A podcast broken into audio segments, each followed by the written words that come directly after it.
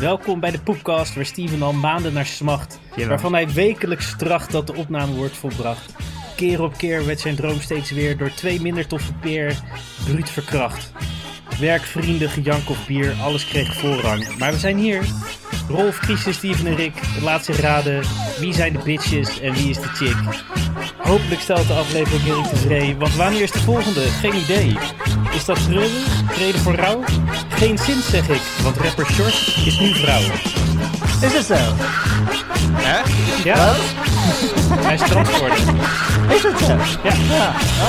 Hij was toch ook niet eerst met trans mensen date? Ja, ja, hij gaat uh, leuke porno dansen. En, eh.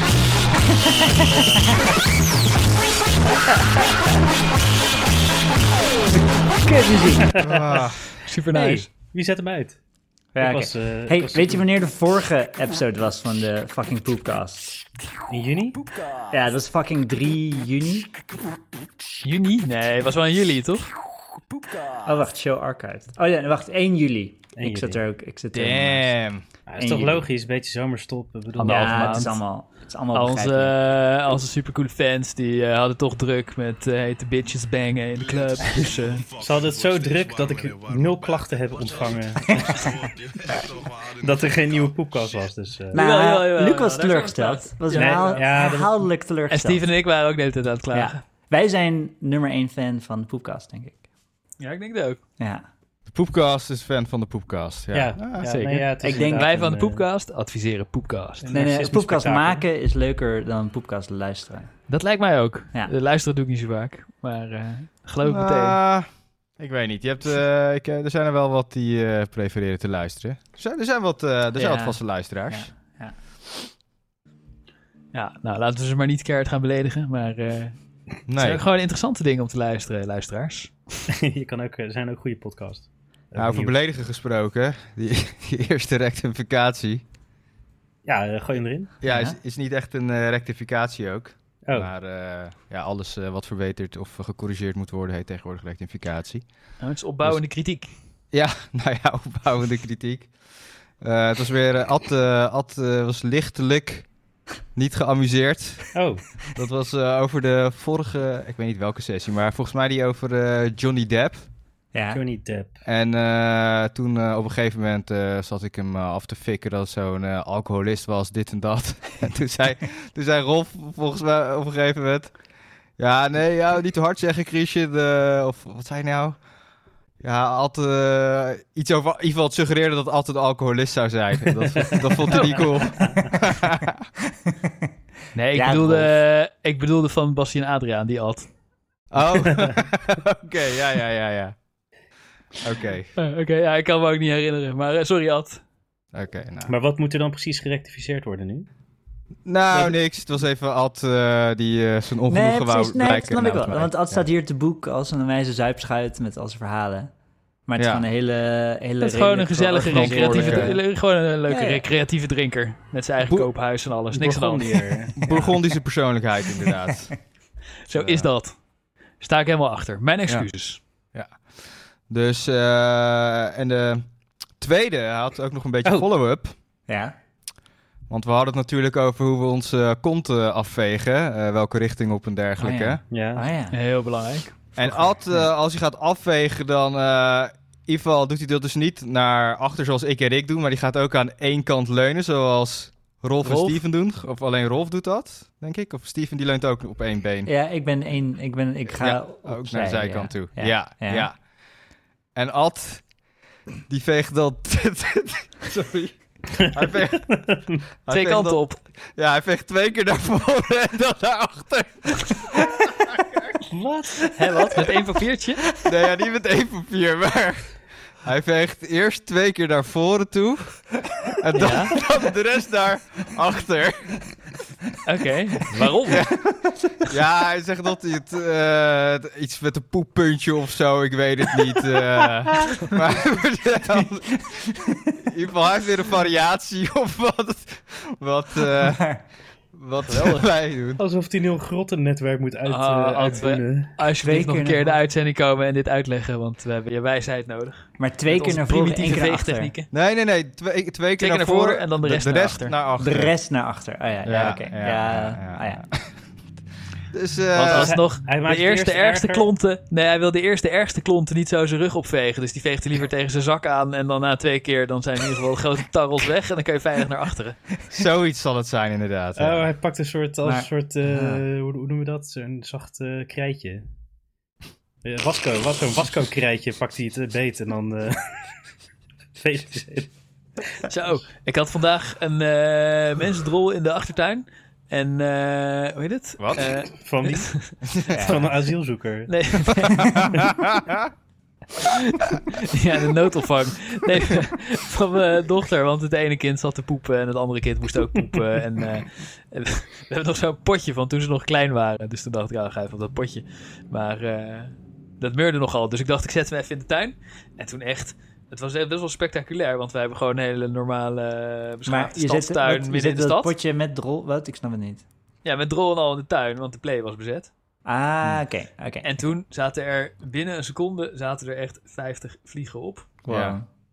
Eh, wacht, ik zal je die Wauw. foto sturen. Waar stuur je die? In welke...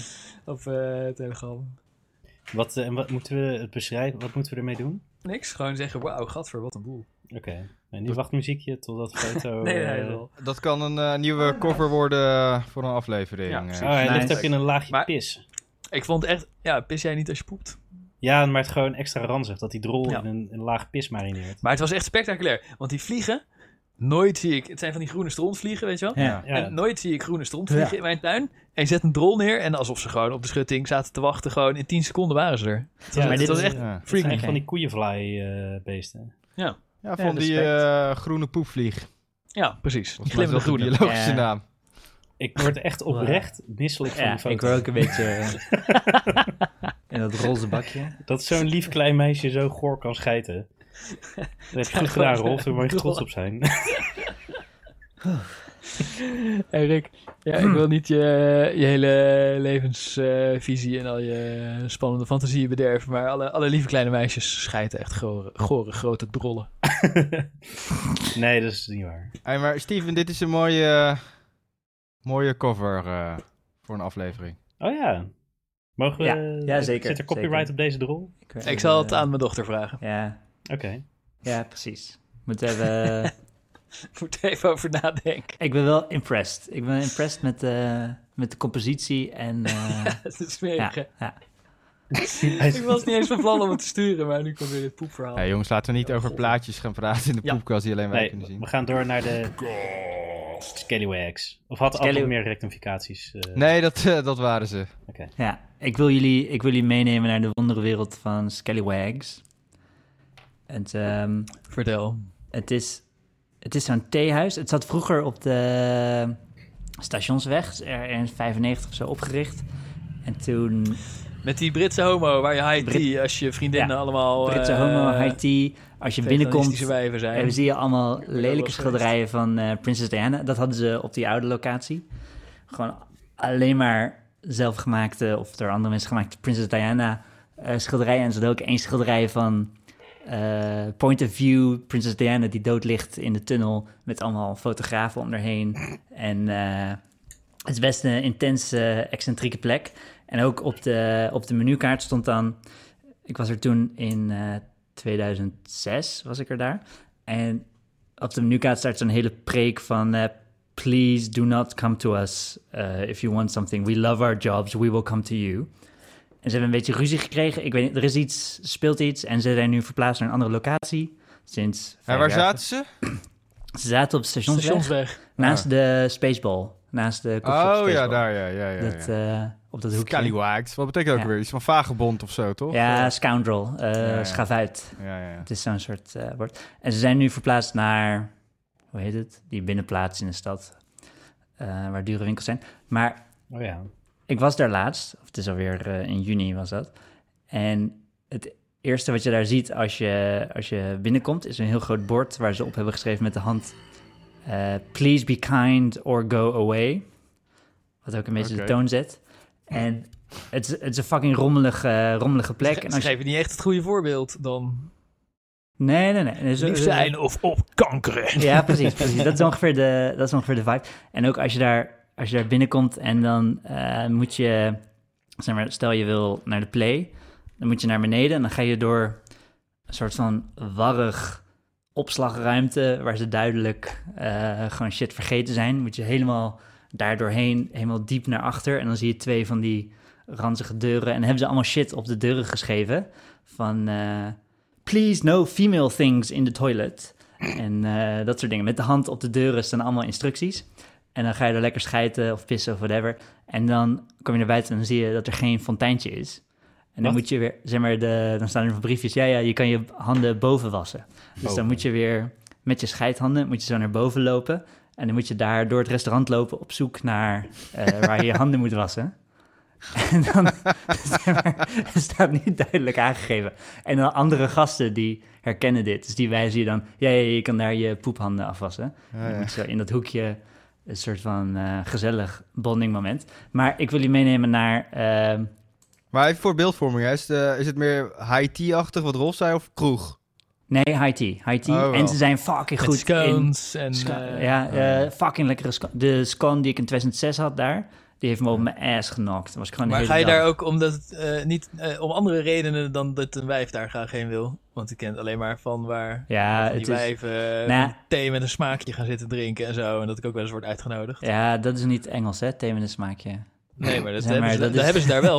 Dat- That's a bit continental. Ja, dat hebben ze wel. Maar ze hebben daar een fucking goede English breakfast. Gewoon echt, eh, echt een goede dat is gewoon met spek en bonen en zo, En toch? ze hebben, ja, ja, en ze hebben, ze hebben morning cocktails. Die zijn ook fucking goed. Maar het is wel alcoholisch. Ja, wel alcoholisch, maar het is niet een kroeg zoals, eh, nee, zoals de precies. Paas of eh, whatever. Dat is het helemaal niet. Nee. Eh, het is om te eten en high tea. En inderdaad, het, is, het wordt vooral bezocht door eh, vrouwen en homo's. Maar als je, ik wil jullie meenemen. Dus ik, had, daar- ik heb daar laatst English breakfast gehad, was fucking lekker. En eh, ik wil jullie meenemen in de Google reviews. Oh, Eh, Oké. Want daar gaat de, de eigenaar heet Richard. En in de Google reviews, hij reageert op iedereen. En hij gaat best wel los. Eh, dus oké. Eh, Helen Wilkinson schrijft... Eigenaar is niet aardig naar zijn personeel. Ik vond het als gast niet prettig om aan te horen hoe hij zijn personeel aansprak. Ook krijg je bij de scan geen echte clotted cream... wat eigenlijk wel hoort voor een Engelse tea room. oei. Jammer, ik zal hier niet snel naartoe gaan. Meer naartoe gaan. Richard zegt... Hoeveel sterren? Eh, ja, dat zal wel één ster. Ik heb niet, eh, ik Oh, heb niet de sterren sterren. gekoppeld. Oh, Oh, je dat vind ik wel... Je moet even Ik opzoeken. Nee, dat, Nee, Helemaal laat niet maar. belangrijk. Nee, ik dacht dat het even eh, live aan het lezen was van de pagina Ja, ik zelf. ik, maar heb een, ik heb een tekstdocumentje met alle Oh, ja. reviews bij elkaar. Oké, oké, nou ja. En uh, Richard responds... I do hope you never come back to our homely place, as I did not like you either, as you were just too over-exaggerated. Please translate if you don't understand. Oh shit. With-. With regards to me running my business, it's none of your business. Thank you and go to Devon and eat clotted cream.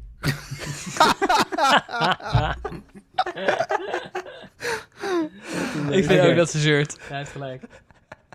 Dan eh Sebastiaan Ja, schrijft. want wat, een scone moet met whipped cream of zo? Wat was het? Ja, clotted Nee, ja, cream. juist niet. Je Ja, ja, met, met clotted whipped cream, cream. maar het hoort met clotted. Ja, Oh, wacht even, dat is iets anders. ja, eh, ja, het is, ja, het is allemaal romige meuk, maar whipped Ja, ja. cream is meer luchtig en clotted cream is, is dikker. Oh, clotted cream. Oh ja, ja, Ja. klodderig. Ja, oké. Als je, je moet YouTube-films kijken van hoe Clotted ze clotted cream. cream maken, is best wel impressive. Het is echt wel een ranzig spul. Oké. Ehm Sebastian schrijft, werden geweigerd in verband met kinderwagen. Echt belachelijk en schandalig. Was totaal niet druk op het terras, maar de kinderwagen werd wel als reden gebruikt dat het te veel plek zou innemen. Nog nooit meegemaakt, zeer kindontvriendelijk. Richard schrijft, very stupid response. Go and Google child cafes and I suggest you go there and don't ever write bullshit. ja, op zich vind ik dat eh, wel... eh, ik bedoel, je mag toch als eh, eigenaar wel eh kinderwagens moet- weigeren, ja. Ja, ja precies. Oké. Helen Martin schrijft, onbeschofte gastheer. Achter onze rug om zogenaamd grappig doen over onze vraag of ze glutenvrije broodjes of iets dergelijks hadden. Zowel tegen een andere gast als Die Richard is echt mijn held. Zowel tegen een andere gast als tegen een collega achter de bar. Echt denigerend en vooral voor mijn dochter, aangezien ze er zelf al flink van baalt dat ze erom moet vragen. Hij ziet eruit als een charmante man, maar heeft hiermee echt iemand een zeer slecht gevoel bezorgd. Richard schrijft... Just by your article, it's plain to me, my dear, that you have not only eating issues, but also to be polite with manners when asking a question. You are quite rude in your asking why we do not have gluten free. I am very well mannered uh-huh, and aware on how to talk to people, so I reply to people the way they talk down to me. Always gluten free for some. Always gluten-free for some. Maar ja, denk je dat... Je hebt natuurlijk heel veel aanstel gluten bullshit. Ja, tuurlijk. Ja, zeg maar, ja. hoeveel celiakie is... Of celiakie, ik weet niet hoe je het zegt. celiakie. Eh, ja, nee, dat is, eh, dat Super is een zeldzaam, toch? minderheid. En die mensen Ja. testen allemaal niet. Heel zeldzaam. Ik, ken, ik Ja. heb één iemand ontmoet die het echt had ooit. en eh, voor de rest, de rest is eh, gejank. Ja, als je er op je dertigste achterkomt dat je dat hebt, dan heb je het helemaal niet. Toch? Nou ja, die, Ja, die we- mensen die het echt hebben, die ja, scheiden hun darmen ja. uit. Ja, Ja, Ja, precies. Ik, ik denk als je het... Dus eh, je- Nee, als je dat op je dertigste besluit dat je dat hebt zonder dat je daarvoor allemaal ernstige problemen had, bedoel ik. ja, dan heb je, heb je geen dan heb je het eh niet. nee. kuliaki. Ik ken wel iemand met een soort lichte... Hoe noem je dat? Eh melkintolerantie, lactose-intolerantie. Ja, dat heb ik ook. En die, eh, maar die heeft dan ook, die heeft daar gewoon best wel scheid aan. En dan, Ja. Ja, ga lekker Ja. Ja, ik die- ook. krijg je ook scheid Ja. ik drink ook gewoon melk. Het moet me gereed. Alleen dan dan iets meer ruften. Ja. ja. Weet je nog dat eh, toen we dat experiment gingen doen met eh chocomel? met die eh, rietjes. eh, inderdaad, drie pakken chocomel gedronken. En eh scheiden als mannen, jongen. Nice, dat wist ik niet. Ja, wat Maar- was het ook weer met chocomel? Ik- Dat was ook Met kartonnen rietjes. Kartonnen- Oh aan ja, kartonnen rietjes van de chocomel, ja. Maar ik, ik herinner, ik had het eerst niet. En ik ben gewoon gestopt. Ik drink nooit meer melk. En volgens mij is het daardoor teruggekomen. Of is het daardoor gekomen, want eh, Ja, vroeger dronk ik wel melk. ja. En, eh, je moet het soort van onderhouden. Ja. Ja. Ik voel het ook een soort, weet je, soms als ik de hele tijd geen melk drink of zo. Je voelt het een beetje of zo, iets. Ja. Maar ik vind melk ook gewoon goor. Ah, Ik vind melk echt super chill. Ik drink nooit een hele tijd Ja, geen melk. ja. Daar kan ik niet is over gewoon mee vloeibaar vet. eh. Nou, Ja. ik, ik, eh, ik kan het wel hebben of zo, maar Ja. eh, ik weet Ik niet. vind melk fucking lekker. Drink ik Ik echt vind- veel van. Ik vind havermelk wel lekkerder, denk ik. Nee, ik vind koeienmelk lekkerder. Ja, havermelk, Ik, goede eh, havermelk is echt wel de shit hoor. Niet die Oatly shit. Niet die Oatly shit, luisteraars. Is fucking Is havermelk de ultieme glutensoep of niet? I don't know. Weet ik veel waar. Ja, het is lekker. Er zal wel gluten in zitten. Hè? Ik weet niet. Ja, ja precies. Eh, Seitan, dat is de ultieme ja, zijtan is de ultieme. Zijtan is ook nice. Ja. Dat is fucking lekker. Ja. Had je nog meer reviews? We gaan door Eh, ja, nog eentje. Gewoon grappig dat die een stelletje eh, die samen waren. Dus Lisa Dokter en Bjorn de Hoop. Die hebben allebei een slechte review achtergelaten. Een stelletje.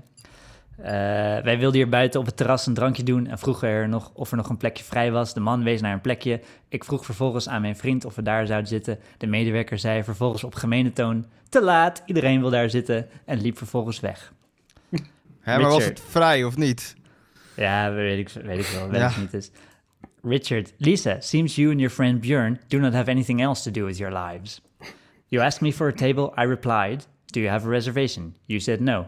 I offered you a table and this was not good for you, and yes, I said, te laat. there, there are other waiting for this table. Make a reservation next time you go out on the weekends. Björn de Hoop, eh, vriend, heeft ook één ster gegeven. En dan Björn zegt, of Richard zegt, Björn, sounds like you did not like the idea that when we ask if you have a reservation and your response is, do we need one? Yes, you do on the weekend. Thanks for the one star. We love them. Zijn, er ook positieve reviews? Die Ja, ja, hebt heleboel positief. Ook heleboel po- Ik ben ook vang positief eh erover. Ik vind het een goede plek.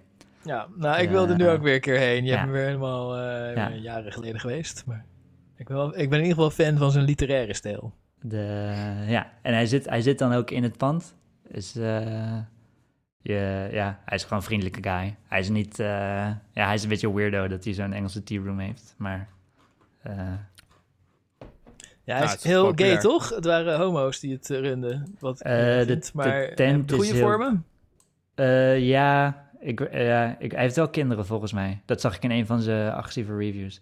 Maar ja, het zou kunnen dat hij gay is. Er is wel een gay vibe daar. Ja, Ja, ik dacht dat het een stel was ook. Ja, welke Ja, dat zou wel- dat zou best Diana kunnen, want je hebt, je, hebt dan, je hebt dan die Richard, die is fucking agressief. En dan heb je ook nog één super soft-spoken old guy. Die zo... eh, did, you, did you enjoy your breakfast? Yes, Oh, gadver. Een soort Die pro- ASMR. eh, Die probeert het een beetje te compenseren, die Richard. De- ja, precies. Ze, ze vullen elkaar goed aan. Eh, hij, hij was de kok, volgens mij. Hij had een fucking nice sweet-ass breakfast eh, gemaakt. En die ander was de En ass. dan... eh, eh, would you like, would you like something else? Ze doen wel, would you like something else? En dan zei ze, ja, we willen dit graag. En dan eh, loopt hij naar een van, de, een van de bedieners daar. eh, they would like something else. Want hij, voel, hij gaat niet eh, bestellingen opnemen. Richard is de top en hij is de bottom. Ja, het- ja, ik denk het wel. Ik weet niet of ze een stel zijn, maar het zou kunnen. Ja. Nou, Richard, eh, Rolf eh, komt bij je langs binnenkort. Ja. Maar Rolf is, gaat eerst naar de tandarts. Ja, nee, nee, ja, daar ben ik laatst Oh, geweest. daar ben je geweest. Ik ben nu eh, 39 Nice. en ik eh, ben eh, zeg maar de eerste helft van mijn leven wel naar de tandarts geweest en toen de tweede helft niet. En eh, nu weer een keer wel. Zo. Dus eh, ja, ik vond het wel chill. Wat was de schade? Ik had drie gaatjes. Oh, dat is Ah, heftig. Heftig? Lekker Ja. boren. Oh, Hoe nou, ik vond het wel meevallen. Nee, want je, je zat er eh 12 jaar, hoeveel was het? Ja, 18 jaar of zo. 18 jaar sinds je vorige. Ja, oké. Ja, Respect. één gaatje per zes jaar, dat valt er wel mee, Ja. denk ik. Ik, ik ging niet meer naar niet. die vorige, omdat die, zeg maar, dan eh, kwam ik ieder jaar en dan vond ze eigenlijk altijd wel één of twee gaatjes. En dan ging ze weer boren en vullen en zo. En ik zat na een tijdje te denken van, heb ik wel echt gaatjes? Volgens mij word ik genaaid. Wat?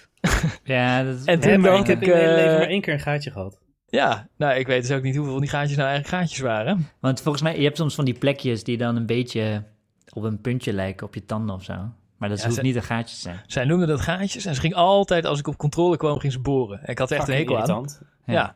En eh, ik dacht, fuck it, ik ga gewoon niet. En ik zie wel, ja, als ik dan na twee jaar wortelkanaalbehandeling nodig heb, dan had ze blijkbaar toch gelijk. Ja. Maar eh, toen ging ik 18 jaar niet en ik had eigenlijk nog steeds niks. Maar eh, mijn eh, vrouw en kinderen, die gingen naar een andere tandarts. En ze zei, zal ik jou ook inschrijven? En ik dacht, goh, ja, pff, laten we weer eens doen. Want eh, Ah. op zich was ik wel altijd in de achtergrond een beetje bezorgd dat als ik pas zou gaan, als ik pijn had, dat dan mijn halve bek eruit moest. Maar eh, drie gaatjes, ze zijn alweer gedicht. Het viel me reuze mee. Maar En dan- eh, als ik nou volgend jaar of over een half jaar, hoe vaak ga je naar tandarts? Eén keer per jaar. Twee Ja. ze willen, ze adviseren twee keer per jaar, maar dat is ja. een Ja, dat- trucje. Nou, ik ga het eerst nog even doen. Als ze nou over een half jaar alweer nieuwe gaten vindt, dan word ik weer achterdochtig. Ik ben een beetje achterdochtig.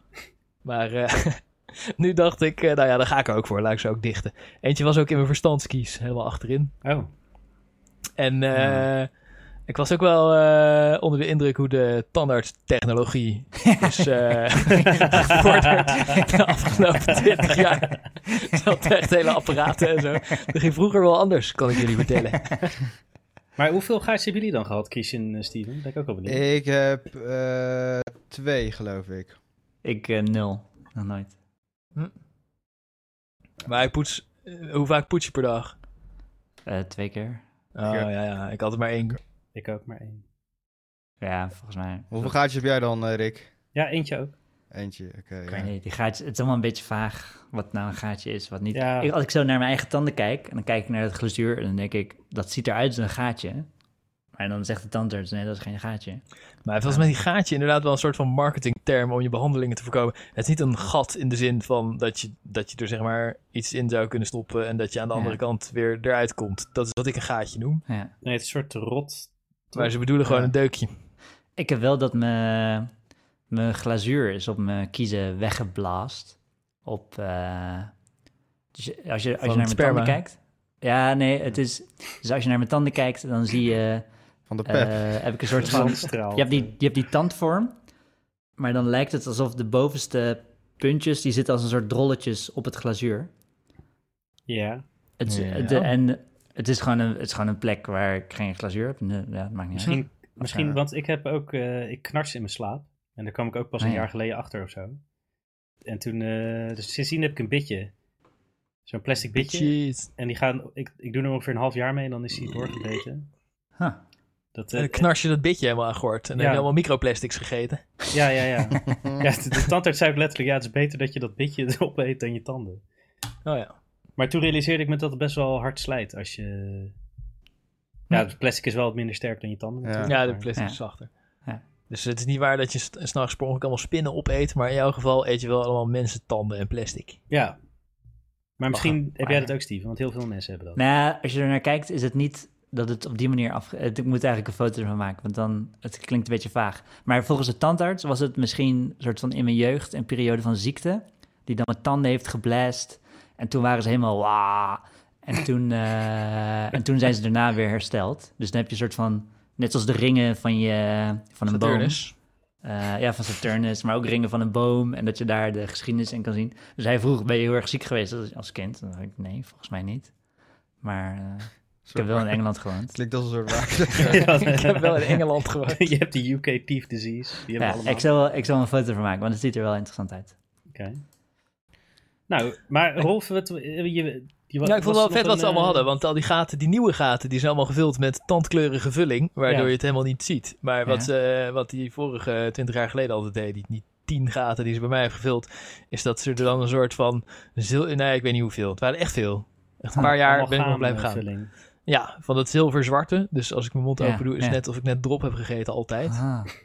Maar eh, dat vond ik wel vet. Maar ze had ook. eh, ehm, eh, als je helemaal achterin bij verstandskies moet eh, boren, dan kan ze niet zo goed bij en zo. En dan loopt er net het kwel overheen.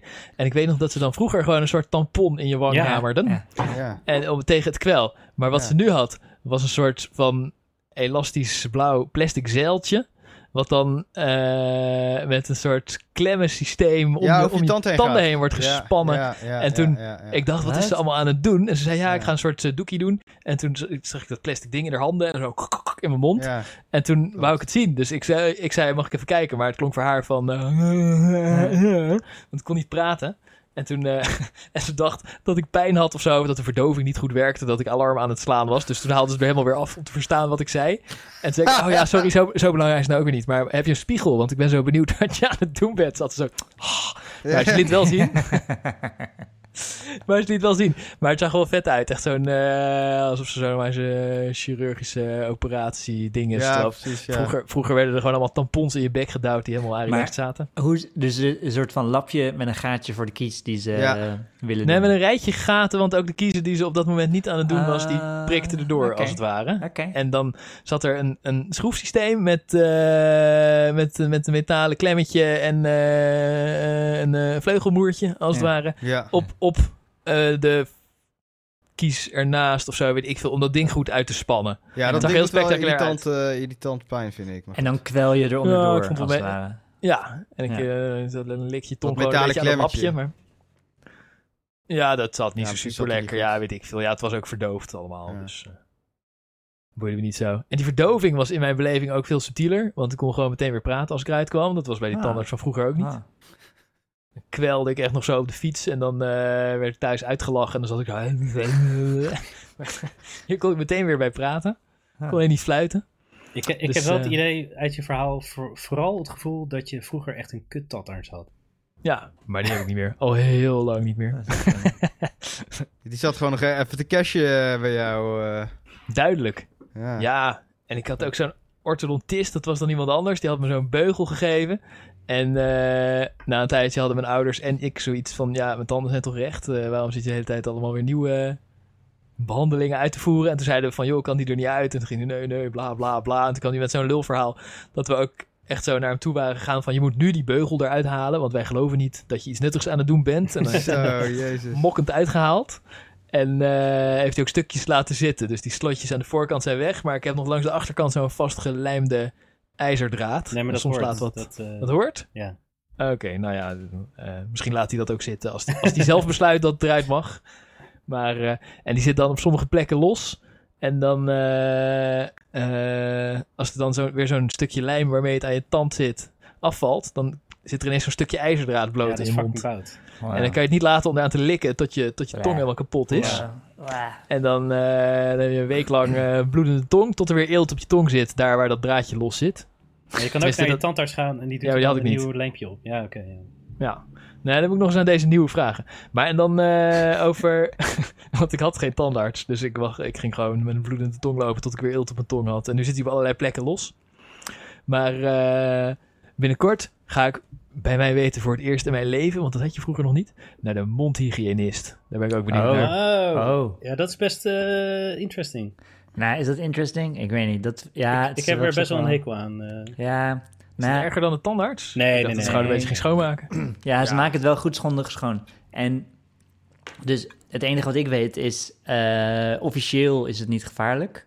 Maar ik heb bij de neurologie echt wel eh, iemand gehad die naar de mondhygiënist was geweest. En toen eh, daarvan een bacterie in zijn eh, bloedbaan kreeg die in zijn hersens terecht kwam. Wat? Eh, maar officieel kan dat helemaal niet gebeuren. Maar hij had een, ja, Ja, het is 1 op de miljoen. eh, ja precies. Dus, maar dat, dat was wel, het was, eh, Niemand een, van onze luisteraars gaat nu ooit nog naar de mondhygiënist. Maar dat is een Ja. beetje het probleem natuurlijk met eh, op, eh, in het ziekenhuis werken. Je ziet alleen maar de edge ja, cases. ja. Ja. Maar nou, de- ik, ga, de- ik ga er toch heen, dus er komt Ja, eh, ook nog een Het is op zich wel. Het is een- ja, ik heb het ook. Ze hebben wel van die sneaky. Oké, dit vind ik wel gewoon nasty shit van eh tandarts en mondhygiënisten. Dan stellen ze een vraag aan je. En dat blijkt dan een. Wil je de. Wil je de duurdere informatiepakket? Dus zeggen ze, eh, weet je hoe dat moet? Zeggen ze heel terloops. En dan zeg je, oh nee, oh nee, dat snap ik niet. En dat is dan 20 euro wat je daar dan voor betaalt. Want dan gaan Oh, ze ja, je ja, uitleggen. ja, dat heb ik ook een keer gehad. Van, weet je hoe je je tanden moet poetsen? Ik zeg, Ja. ja, hè, hoezo? Hoezo? Is Ja. er iets wat ik niet ja, weet dan? precies. Ja. Ja, en dan ging ze, pakte ze echt zo'n gebitje en ging ze tandenpoetsen voor doen. Ik zei, ja, dit weet ik heus wel. Ja, ja. En daar betaal je dan 20 euro voor. Ja, daar moet ik ook voor betalen. Je ziet het op je rekening ineens, zie je zo, wat? Wat Ja. de fuck is dit? Ja, Ik heb ook echt meteen een andere tandarts genomen daarna. Ja ik ik krijg, dacht ik fuck ook eh, een vieze smaak van in mijn mond. Ja, ja. Misschien weet je, weet je hoe je je tanden moet poetsen. Dus Ja, dat deed deze smaak, allemaal niet. eh, Ik had ook verwacht dat ze zou zeggen van... joh, het is slecht dat je 18 jaar niet naar de tandarts bent geweest of zo. En ze vroegen wel, hoe vaak poets je? En dan zei ik, ja, één keer per dag. En zeiden, Ja. oh, oké, één keer per dag. Ze zeiden helemaal niks van. Daar was ik wel verbaasd. ja Ja, de- de- de- over. dat zijn de pro's Dat zijn de pro's, die hebben door... dat gaf mij ook vertrouwen. Ja, ja. Rolf, je bent niet de enige Ja. die nooit gaat. Nee, want mijn, want mijn, Nee, dat snap eh, ik. mijn, ta- mijn tandarts was ik ook de hele tijd niet meer geweest. En toen weer wel, eh, na tien jaar of zo. En toen ging hij met pensioen. Toen is de hele praktijk overgenomen door een andere dude, een jongere dude, minder ervaren. En eh, toen ging ik even naar hem toe om even te kijken hoe dat was. En dan ging hij me, ging hij me de les leren over... eh, Ja, dat is kut. naar de- Daar kom je niet ja, voor. Vaker naar de tandarts. En dan, ik, Ja. ik verwacht je over een half jaar nog een keer te zien. En ik maak de afspraak alvast. Dan zit er tenminste een stok achter de deur. Maar dit kan echt niet. Oh, jezus, fuck. dat kan echt niet. Ja, fuck dat. Ja, Ja, dus, eh, nee, ja, daar zit je niet op te wachten. Ja. Nou, die nieuwe voor mij is ook een leuk milfje. Kan je, ik kan dit nummer wel ingeven. Je hebt, je hebt ook hele leuke andere tijden over eh tandzorg in Nederland. Want Ja? blijkbaar tot in de jaren 50 of 60 deed iedereen in Nederland gewoon zijn tanden wegrotten en dan kunstgebied. Kunstgebied, ja. Ah, ja, kreeg je ook ja, voor je dus verjaardag. dan- Als je 30 werd of zo, Dat, dan eh, eh, kreeg je als cadeau dat je, dat je de nog resterende tanden eruit kon laten trekken en een Ja. kunstgebied. Ja, gewoon, oké, ja, doe maar kunstgebied. dus, eh, En dat werd dan gevierd van, makkelijk. ah, eindelijk een kunstgebied. Ga je tanden tenminste niet zo snel rotten. zijn jullie trouwens klaar voor een beetje racisme? Nou, ik ben klaar voor een biertje verversen. Oh, nou, de, Dus ik pak even snel een biertje.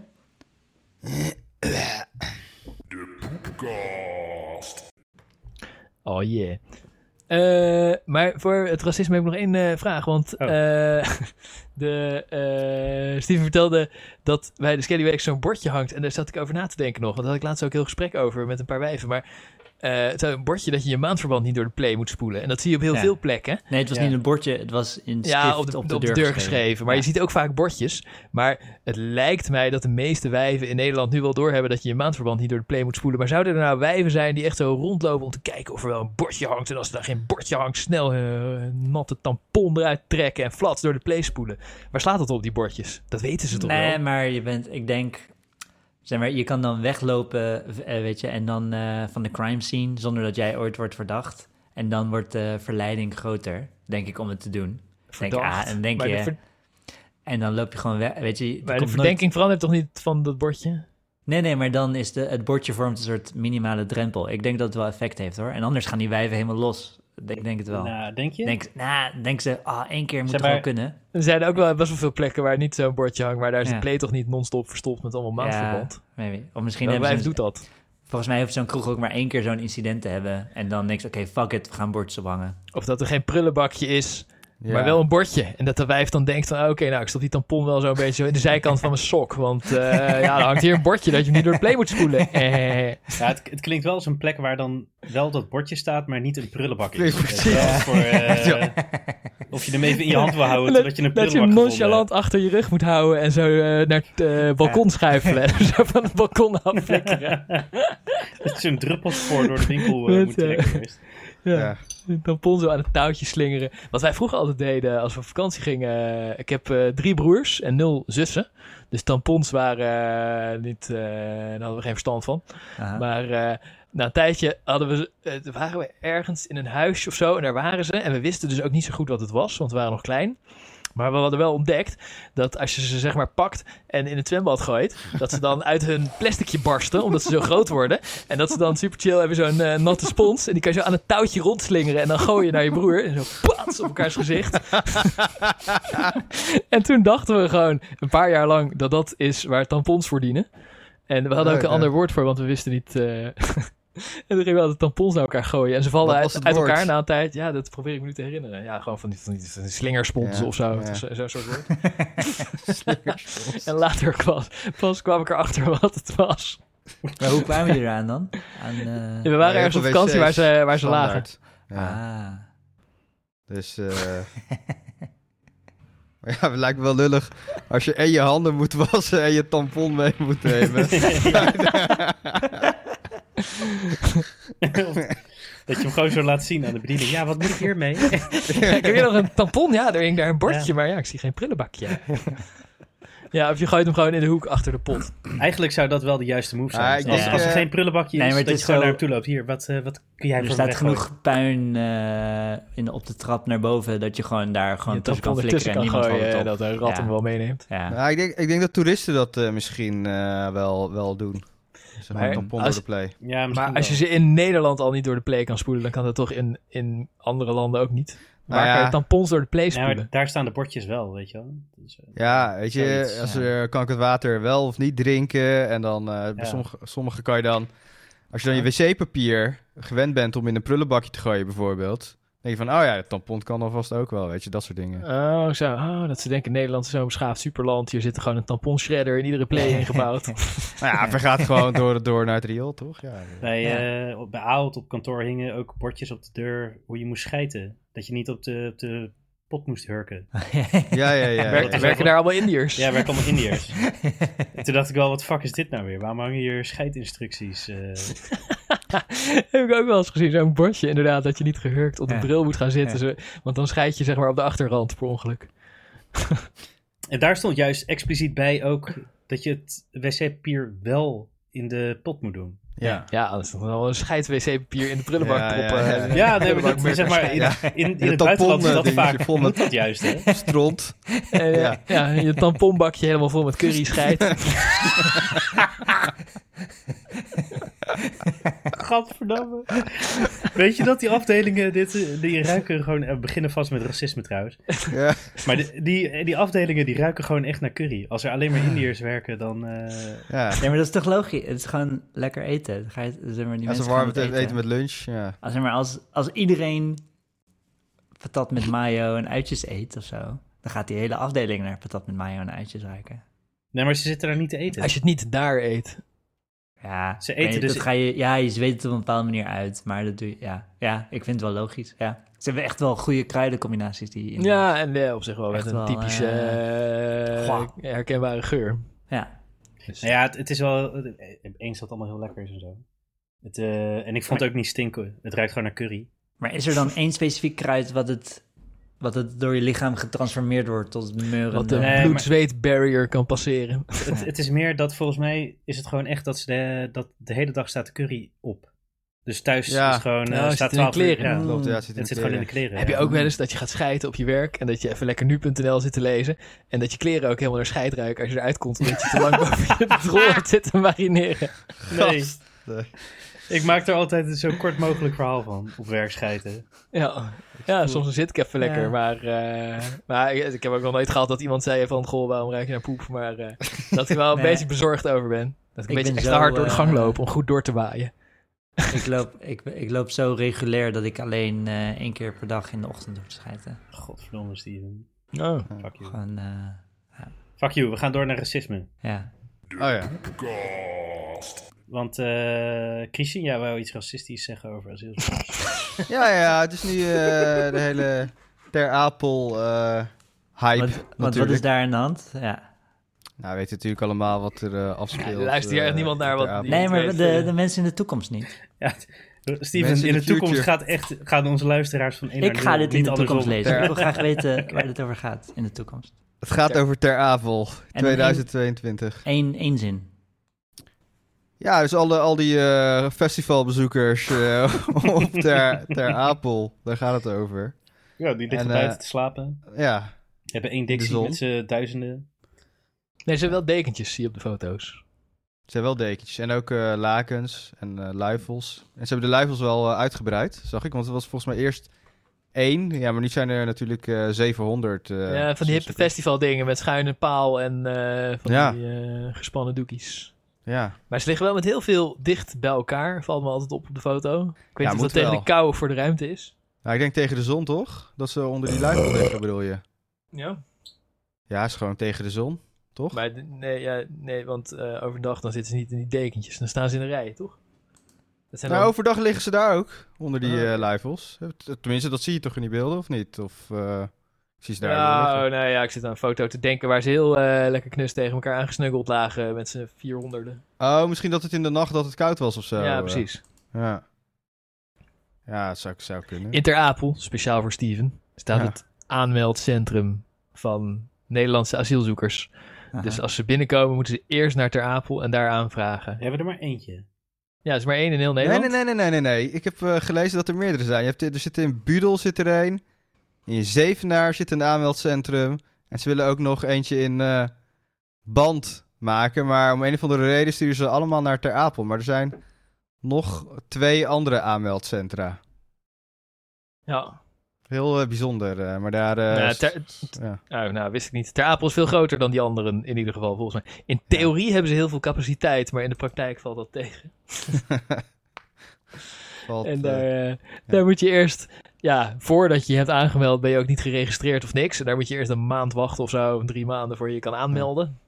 Denk je dat COA het eh, als een soort politiek drukmiddel gebruikt? Zo van, laat het maar Mm. ophopen bij Ter Apel en dan... eh, nee, ik denk dat het COA... Laat maar ophopen uit Ter Apel en dan wat? Ja, en dan moeten ze er... Want het asielbeleid is natuurlijk tenenkrommend slecht. Ja. Eh, en als, als ze dan op deze manier een groot probleem Oh. forceren... Ja, Oh, dat is nee. een keer goed Extreem cynische eh, nee. Actie. Ja, ik denk niet dat ze het expres verder laten oplopen. Ja. Maar ik denk wel dat ze balen dat er te weinig geld is. En dat ze denken van ja, als die mensen hier slapen, is het ook niet erg dat dat allemaal op tv Volgens komt. mij want we is dit hebben echt omdat geld. ze niet anders kunnen. Niet omdat ze...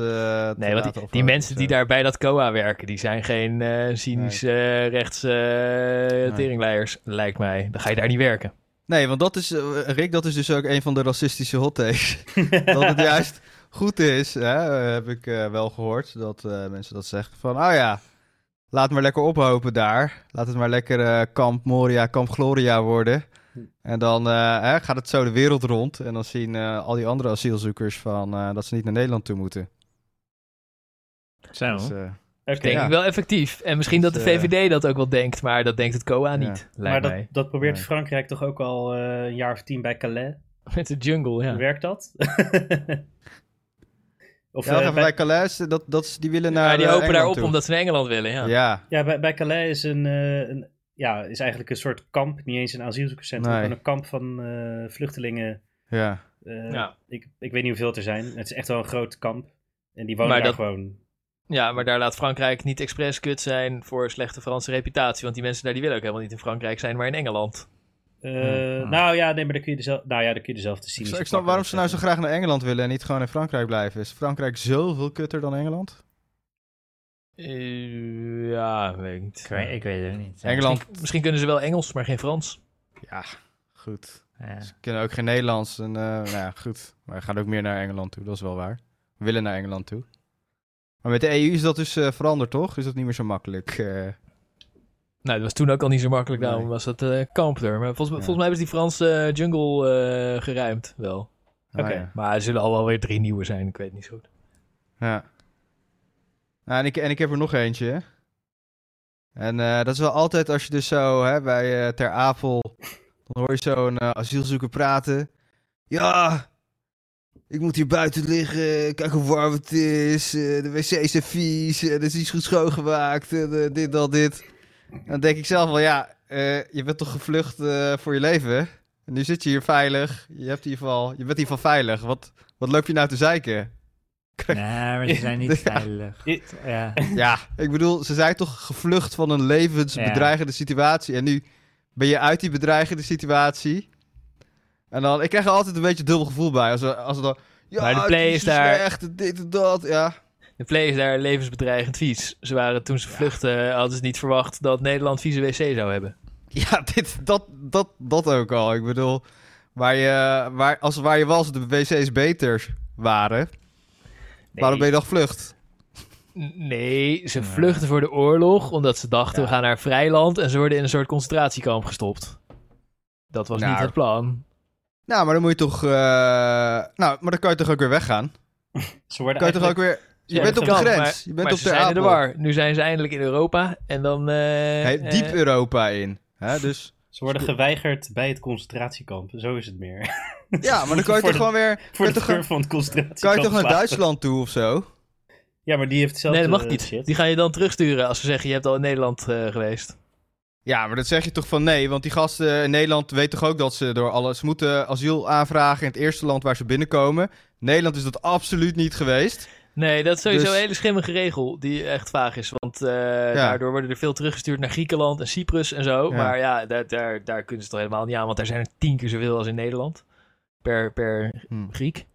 Dus die regel die slaat ook eigenlijk nergens op. Maar het is inderdaad ook erg onwaarschijnlijk dat, zeg maar, Nederland of eh, dat, dat Luxemburg het eerste land is waar je aankomt. Dat, Ja. dat kan natuurlijk niet. Nee.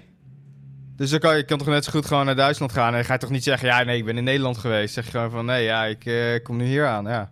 Want in Nederland doe je hetzelfde, dus eh, en ze geloven je.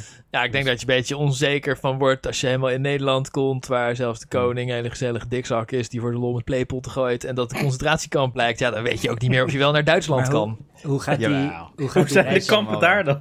Die zijn er goed in. Duitsland heeft betere ervaring met kampen bouwen. ja, Maar of dat voor de inwoners nou chiller is of niet, dat wil je dan eerst uitzoeken. Ja, die gasten hebben allemaal smartphone en zo. Dat, kunnen ze, dat, eh, dat weten ze echt wel. Maar hoe, hoe, eh, ja, hoe verloopt hun reis als ze Europa binnenkomen, maar dan tussen Europa binnenkomen en Nederland bereiken? Lopen Wat- vaak. Is het lopen? Is het Heel veel is lopen, ja. Ja, met, met treinen en zo Misschien gewoon. ook. Ja. Mensen, mensen smokkelaar met de vrachtwagen achterin in de vriesdinges. Maar en Ja. dan, dus dan, en dan, ik, ik kan wel begrijpen dat je dan een soort van beslissing maakt. Oké, dit land gaan we doen. Ja. En dan is het, zeg maar, dat je dan een soort drempel voelt om naar, terug naar Duitsland te lopen. Ja. maar bi- Ah, binnen Europa is ook vaak niet zo lastig natuurlijk. Want er zijn helemaal geen controles of zo. Je Ja. kan gewoon, Nee. je kan gewoon een treinkaartje kopen en eh naar Ga gewoon Nederland naar fucking Duitsland. En, daar, als het zo kut is bij dit kamp, ga, ga naar het kamp eh, een paar honderd kilometer verder. Ja, toch? Ja. Ik bedoel, Een eh, paar honderd kilometer verder. ja, nee, Ter Apel zit al op de grens. Maar Van, en zouden ze, Maar als ik goed zouden begrijp, die... Als ik het goed begrijp, dan vind je het ook wel een logische redenering dat eh, Nederland vooral moet eh, tentoonstellen hoe shit het hier wel niet is. Nee, nee, nee, dat niet. Alleen ik krijg altijd, als ik ze zo zit te kijken, en dan begin- beginnen ze te zeiken dat het eh, allemaal niet goed is. En dit en dat, oh, verschrikkelijk, nog erger dan. denk ik van, ja, gast, wat, waar, als het, waar ben je nou echt eh, voor gevlucht? En dan ga je een beetje te zeiken. Je was, daar was het onveilig, je bent nu veilig. Wees blij, toch? Dan moet je blij zijn, dan is het goor, Ja. maar ben je, je Ja. bent wel Ja. veilig. Ja, Moet je bent wel zijn veilig. Ja, het met toch- ondergescheten dicties en eh, Ja, geen, geen stromend water, geen manier om jezelf te wassen. ja, dat had je daar, daar was je dood, toch? Maar dus, je, eh, je ja. bedoelt, jij zou het anders aanpakken. Jij zou dan denken, eh, Nou, ik ben blij dat ik wel gaan wachten en niet, eh, niet zeiken. jij zou wel... Maar mogen ze ook gewoon weglopen daar? Want het is Nederland Ja, ja, ja. die ze dwingt om daar te zijn. Want Nederland zegt, ja, je mag misschien wel een verblijfsvergunning, maar dan moet je hier in de rij gaan staan, waar geen dicties Ja. zijn. Ja, dan moet je daar, daar moet En je, dan kan je daar toch zeggen van, aanmelden. joh, ja, nou, Ja. dan kan je toch zeggen van, joh, ik vind dat stom van Nederland dat ze zeggen, hier moet je zeven maanden in de rij gaan staan, maar er is geen wc. Er is is wel wc. Ja, maar Ja, zijn wel, een zijn, wel, eh, zijn wel. En je moet Maar, buiten eh, slapen en er zitten ja. allemaal eh, overal buitenlanders om je heen. Ze hebben allemaal schurft. Allemaal schurft. Ik las, ik las net trouwens, buitenlanders. voordat we de poepkast gingen opnemen, je Artsen zonder Grenzen was langs geweest in Ter Apel, omdat Nederland Ja. eh, ze niet verzorgt. Ja. En twee moesten naar het ziekenhuis. Eentje vanwege een hartaanval en die ander omdat hij een maand lang geen insuline had gehad. Ah. Sick. Ja, Ja. Maar een maand lang was hij dan al een maand in Nederland bij de, Ja, dat- in de dat- wachtrij. oké, dat stond er niet bij, maar Ja. je zou hem ook insuline kunnen geven in Nederland. Want dat hebben we Ja, gewoon. als hij dus niet door de aanmelding eh, komt. Maar ja, dan zou ik denken van, hey, ik heb insuline nodig. Waarom ga ik niet zo snel mogelijk eh, in een van die andere landen waar ik langs ben geweest eh, asiel aanvragen om daar insuline te krijgen? Ja, want het is zo makkelijk. Nou ja, Loop even met je hypo eh, naar een Ja. ander land. Nee, nee, 200 nee, nee, kilometer nee, nee. om daar insuline te gaan nee, nee, halen. nee, je bent al, nee, nee, nee, je bent al zonder insuline door heel Europa gegaan om in Nederland eh, bij het aanmeldcentrum te komen. Ja. Misschien toch? is het hier opgegaan. Nee, Toch? maar en Nee, maar is hij al, was hij daar al een maand aan zonder het insuline? gaat dan om een hyper... Want de langste, de langste zit daar niet een maand Hyper, sorry. daarbuiten. Ja. Ik, ik, zat, ik zat erover na te denken en ik dacht, ja, ik weet niet, ik zeg gewoon een van de Ja. twee.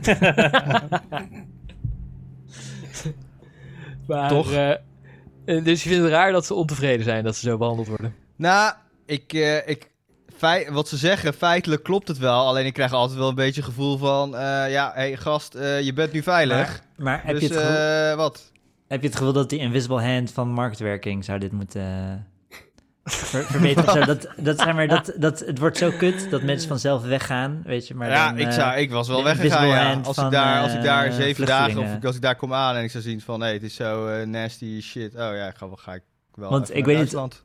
Ik weet niet of het... Want het groeit niet... Groeit het wel verder? Ik weet het niet. Dit, is- ja, ja, ja, ja, want het gaat tot, het, het wordt eh, nog, eh, dus, dus nu tekort van 4000 en eh, in januari of zo zou het al 16.000 worden, of in ieder geval. eh, maar, een wat ze, maar Christian, wat ze waarschijnlijk willen, is Ja. dat ze een legale baan kunnen vinden waarbij hun salaris op hun bankrekening wordt gestort, zodat ze met hun pinpas bij de supermarkt eten kunnen kopen. En ik vind dat op zich geen onredelijk verlangen van ze. En Nederland zegt tegen hen, ja is goed, maar dan moet je hier eerst zeven maanden in de schurft eh strontjungle eh, op de grond Ja, dat zegt Nederland helemaal niet. Nederland zegt helemaal niet, kom maar hier voor een baan en een woning. Nee, dat zegt nee, nee, Nederland nee. helemaal niet. Maar Nederland zegt, oh, wil je hier een baan kunnen zoeken en eh pinpas en dan eh, broccoli kopen bij de Albert Heijn? Ja, dan moet je Ja. eerst zeven maanden in de schurftjungle in de stront liggen. Eh, ja, daarna niet zeven krijg je Als dat tegen mij werd gezegd door een beschaafd land, wat zegt van, oh, oh, wij zijn hier zo beschaafd dat we jullie land tyfus in bombarderen, want jullie hebben het zelf verkloot, dan zou ik ontevreden zijn. Ik vind dat niet zo gek. Ontevreden dat je hier even moet wachten. Het is nog niet eh, zeven maanden. Ik bedoel, eh, je krijgt in ieder geval eten. Ik bedoel, je kan overleven. Ja, je moet Ja, even je moet- wachten. Je moet vechten met allemaal Algerijnse pubers om een beetje eten te krijgen. Nee, je moet gewoon in de rij staan. Maar, maar, oké, Ja. maar je, je, Maar nee, ik bedoel, laat ik zo zeggen, het is, het is eh, niet allemaal eh, perfect op het moment, snap ik ook wel. Het is een teringzooi. Maar ik krijg wel altijd zo van, zo van oh, eh, lu- lekker lu- luxe gevoel. eh, ben, je- ben je nou gelukzoeker of ben je echt gevlucht? Dat, jij, idee jij, krijg ik. jij denkt er terug aan die festivalervaringen die je hebt gehad. En, eh, Maar Christian, denk Ja. je dat die mensen die vluchten altijd in een soort open riool leven of zo? Nee, dat niet. Ik denk, maar ik denk van, goh, je bent nu eh, gevlucht. Ja, het is, even, het is kut En dat je buiten moet wachten. En dan Maar, komen de eh, mensen uit het dorp. Je blijft, en- wel, je blijft wel specifiek wachten voor Nederland. Je hebt wel echt precies Nederland uitgekozen. En niet Spanje of zo. Of fucking Bulgarije of Hongarije. Snap je? Je kan, ook- je kan ook naar fucking Rusland Ja, eh, asiel aanvragen. misschien hebben Nee, maar het is duidelijk. Nee, maar het is duidelijk een keuze voor geld. Als je voor Nederland gaat, kies je voor geld. en als je hier komt voor het geld, hè, want laten we even oorlog, oorlog. Ze kunnen ook in Rusland asiel aanvragen. Nee, ze komen allemaal naar Europa, naar Nederland. Als je, voor hier, als je hier komt, kom je van Syrië hier naartoe lopen, is cash, niks anders. En als je hier komt voor het cash, en dan zit je daar. En dan ga je, ga je, ga je dus daarna ook nog zitten zeiken dat het allemaal niet goed is. Ja, ga- dat je even moet wachten dat je hier een baan kan krijgen en dergelijke. Ja, blijven- ga dan naar fucking Rusland. Hebben ze ze gelijk plek voor je. wachten. Maar, dan, dan gaat het je meer om dat ze... Je vindt ze hypocriet. Dat ze Ja, en komen zeiken hier en wachten Je tegelijkertijd. komt zo, weet je, tuurlijk het was oorlog daar, maar er zijn heel veel plekken waar je kan, eh, asiel Maar- kan vragen. Heel veel mensen hebben de vluchtelingen, landen hebben de vluchtelingenverdrag ondertekend, niet alleen Nederland. Dus dat je hier aanvraagt, is gewoon geld. Ja? Ja, maar misschien hebben ze Dus- eerst in Griekenland een tijdje gezeten en gedacht, wow, hier is het echt kut. En eh, laten we naar West-Europa vluchten en dan komen ze hier. En dan eh, moet je daar in de stroom buiten liggen. En dan komen de mensen uit het dorp en die zeggen, joh, wat kut voor je, dat je daar eh, moet liggen. Hier heb je een tentje, dan wordt in ieder geval niet de hele tijd je zak gerold als je even in slaap valt. En dan denk je, ah, eindelijk een tentje, Oh. hè. Wat fijn dat ik in Nederland ben. Komt de Nederlandse politie, zegt, ja, nee, tentje, nee, is niet veilig. Inleveren dat tentje. En dan zou ik op zich wel... En, dan- en dan komt de cameraploeg naar je toe, waar jij niet om hebt gevraagd. En die zegt, goh, hoe gaat het met u, meneer? Nou, dan, dan zou ik Ja. mopperen. Ja, ja, ja, zeker, zeker. Ik snap wel hoe het overkomt. Maar je gaat even te snel je verhaal. Want je zegt Griekenland, Nederland. Nee, het is Griekenland. Fucking, Bul- wat, wat is nou Griekenland? Bulgarije of zo. En dan Italië nog, Zwitserland, Duitsland. Er zitten nog zes landen tussen waar je ook had kunnen vragen. Dus als je specifiek hier komt, dan doe je echt met, niet omdat je zo van windmolens houdt of zo. What the fuck, of klompen. Of, dus ja, nee, maar ik snap op zich wel dat je Ja, inderdaad... ga jij lekker in eh, het Bulgaarse asielzoekerscentrum zitten? Ik denk dat je dan wel denkt van, tering, ik moet naar Nederland. Nou ja, Want, als eh, het daar dus net zo erg is, dan wat zeur je nou, man? Als in Bulgarije is het net zo erg. Het is overal kut. Dus wees gewoon blij dat je niet in de fucking oorlog zit. Ja, het is overal kut. Ja. Nou, Nederland nu ook. Ja. Dus, Ja. Ja. en jij zou doorvluchten naar... Nou, ik denk als het echt zo kut was, als die wc's me niet bevielen, dan was ik naar Duitsland gegaan, inderdaad. Want daar is dat gezeik er duidelijk niet. Dus dan was ik gewoon daar gegaan. Daar hebben ze handige groeps eh, doucheruimtes. Moet je uitkleden en je sieraden inleveren. Dus eh, als ik het echt zo erg vond, eh, in plaats van hier een beetje gaan zitten eh, zielig doen eh, op tv, nee. Nee, maar, maar- wat ze feitelijk zeggen, feitelijk wat ze zeggen, ik, ik bedoel, ik chargeer nu. Ik bedoel, feitelijk wat ze zeggen, Oh ja? klopt, klopt wel. Alleen ik krijg er wel, ik, ja, dubbel gevoel eh, bestijgt me wel altijd een beetje. Nee, maar weet je wat ik Nederland behandelt ze als beesten. Ja. En dan komt de cameraploeg naar ze toe en die vraagt... Meneer, hoe gaat Heel het met u? de fucking wereld behandelt je als beesten. Dus, eh, maar goed. Nee, ja, maar wij staan toch zogenaamd eh, ontwikkelde economie, ontwikkelde democratie, Ja, bla bla. weet iedereen toch wel wat allemaal voor de Dan, fucking eh, eh, ja, nou ja, voor de- de bühne is. dat, Ja. dat is duidelijk. Eh, Maar je zou Ja, ja. zeggen, doe het gewoon efficiënt. Eh, maak er gewoon een efficiënte machine van. De mensen die niet Ja. welkom zijn. eh, Ja, Volgens als je het budget regels. van het COA verdubbelt en twee keer zoveel mensen aanneemt die die aanvragen afhandelen, dan eh, zal de Nederlandse economie er niet aan onderdoor gaan. Dat is toch beter voor iedereen. Ja. Nu, nu hebben ook de inwoners van Ter Apel er last van. Dat spreekt jou dan misschien meer aan, Christian. Nee, En eh, dat vind ik juist zo lachen.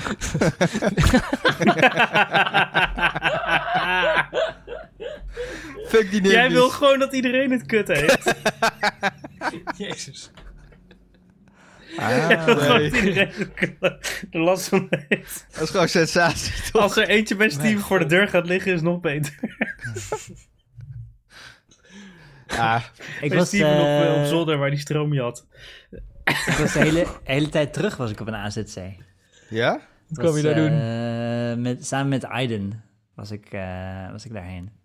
Om zijn familie op te zoeken. Oh ja. Volgens Oh, mij in asiel Middle Harness of zo. Ja, het was een soort van een fucking groot... eh, eh, ze zaten allemaal in, eh, hoe heet die dingen? Campervans. Eh caravans. Ja. En er was een soort van...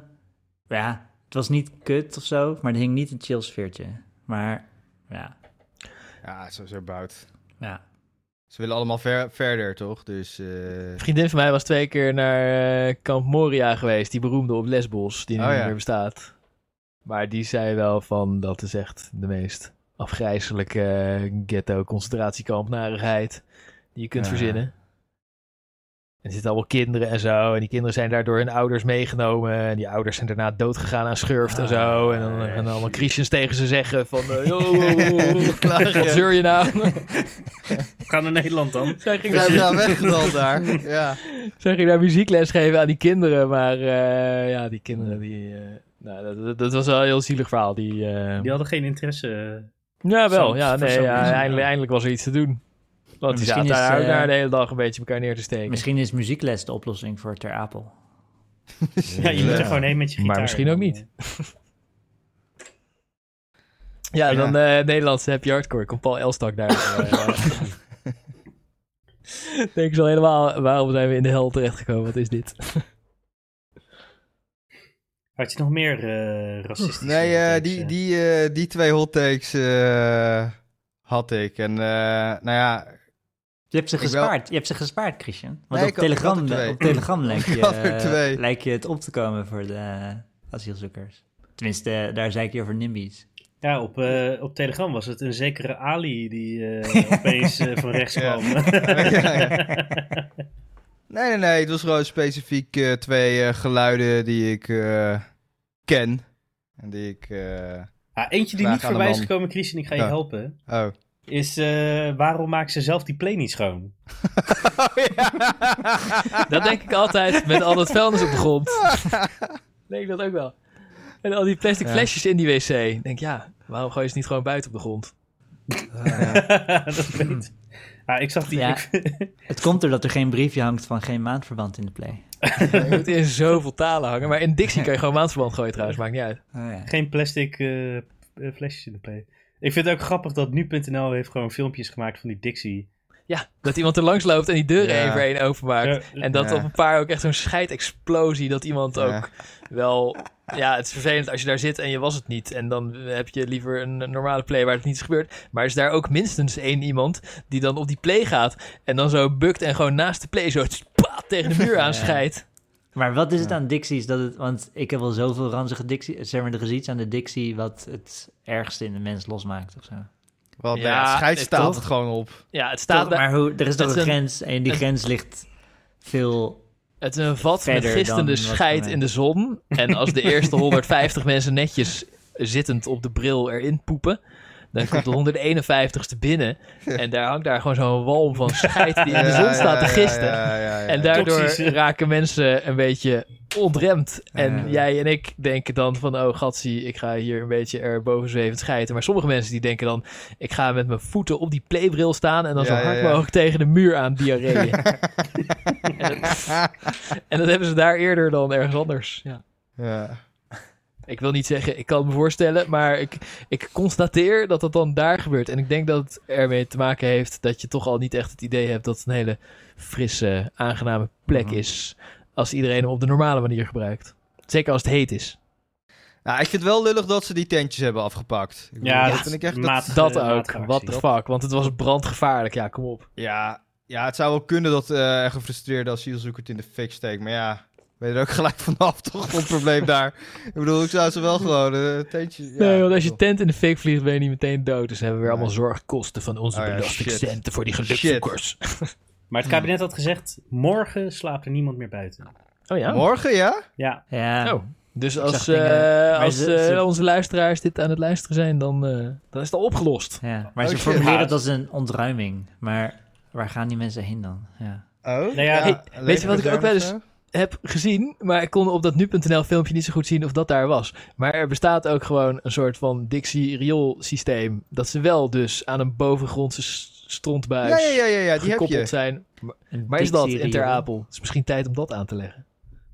Ja, Ja, ik, dat is een soort van bovengrondse scheidbuis die dingen Ja. leeg eh draint. Wauw. ja boven... Dat is niet... future, man. Dat ze aan de onderkant zaten, maar goed. Ik heb ze wel eens gezien, gewoon eh Dixie's... Nee, nee, moet je wel helemaal ingraven en zo. Nou ja, Nee. degene die ik zag, ja, als je ingraaft zie je Ja, het het lijkt me Degene die ik zag, liep die erachter langs. zeg Ja, dat bedoel ik. Niet de boven, Ja. ja. gewoon de Ja, achter- boven de grond, niet Ja. boven de Dixie. Nee, ja, ik dacht boven. Ja. ik dacht al, waar het over? Ik dacht, waar heb je het over? Ja. Dat is het zo'n Ja. lammertje optillen. Zo'n vacuümzuiger zo. Ja. Boven de grond, maar onder je anus als je erin aan het poepen bent. Ja. ja, ligt eraan of je even wil zwemmen. Eh, gaan we door naar limoncello? Ja, is Dat goed. die Ja. asielzoekers elkaar willen pesten en dan iemand zijn sleutels zo erin gooien. Ik heb geen sleutels. Nou, ik wil nog wel even zeggen, want eh, daar krijg ik wel, ik krijg wel echt schadevreugde van eh, die verplichte eh, opvangcentrum in de Tubbergen. Ja, die niet? mensen daar, ja, ja, nee, het is wel Oh, grappig. Man, ik moest ook lachen, want die, eh, die, die staatssecretaris, eh, die is, ja, eerst dacht ik van, wow, die komt wel lekker direct over, maar hij blijkt ook echt gewoon niet, eh, zeg maar, als Rutte een beetje overal om- omheen te kunnen lullen. En eh, Ja. dat, je hebt dan een van, je hebt dan die wethouder inderdaad en eh, een of ander blond wijf die een beetje de, de Tubbergse NIMBY eh, is, speelt. Weet, jullie weten denk ik wie ik bedoel. Ja, die VVD. Ja, eh, Ja, de, ja, de oude- wat oudere blonde vrouw. Ja. Echt, zo, echt zo tijdens het overleg met die staatssecretaris. Echt zo schreeuwen. Ja, en mijn oma, die moet hier naar buiten toe. S'nachts, ze moet dat dan met al die mensen. En ik denk van ja, dat die staat, ik dacht die staatssecretaris gaat zeggen van eh, ja, het Heel valt echt wel mee. Nou ja, weet je, er zijn overal asielzoekerscentra en overal voor mensen zijn dat soort problemen niet. We, we regelen extra beveiliging of whatever. En dan zegt hij gewoon serieus, ja, Nee, dat is echt super kut. Ja, nee, dat zou, dat zou ik ook niet willen. Ja, ik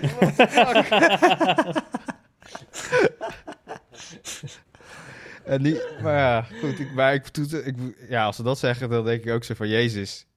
Maar weet je wat ik niet snap aan de strategie van het kabinet? Ja? Dat ze dan die te bergen shit, dat ze dan, zeg maar, eh, het is nu nodig dat er, eh, zeg maar, eh, dat er gemeenten worden gedwongen en dat, het- Ja. dat de regering vergunning gaat verlenen, vind ik ook.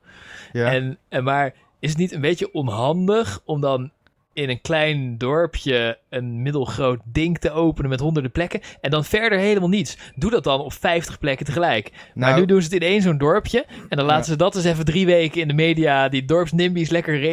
En dan Ja. gaan ze het in nog één ander dorpje doen. En dan kunnen Ja. mensen daar weer drie weken over ragen. Nee, maar terwijl het ook toch- helemaal niet opschiet. 300 Nee, maar je plekjes. moet toch eentje, eentje als voorbeeld. Als het ware eentje moet je opofferen als voorbeeld. En dan zijn ja, de rest dan gaat het volgende dorpje niet ragen. nee, Ja, maar ik denk... als, als, die, als je die gewoon, als je dat dorpje gewoon echt afmaakt. En, Vermorzelt.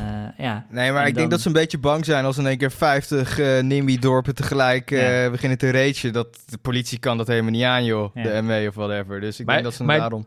Dwing dan eerst een plek die niet zo erg is. Dat het, dat het hotel zeg maar buiten Ja. het dorp is. En dat er maar 30 mensen in komen. En dan dat wel het nieuws is van voor het eerst was de gemeente tegen, maar heeft het kabinet toch een vergunning gegeven.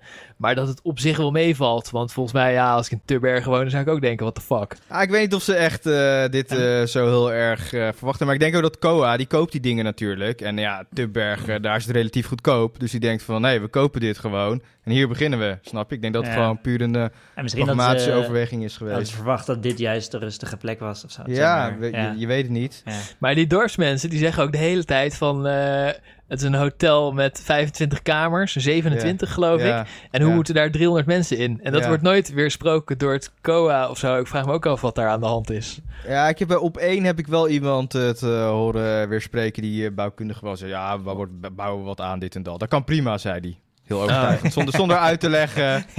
Ja, volgens nou mij gaan precies? ze zo'n ter Apel-achtige containerconstructie neerflikkeren.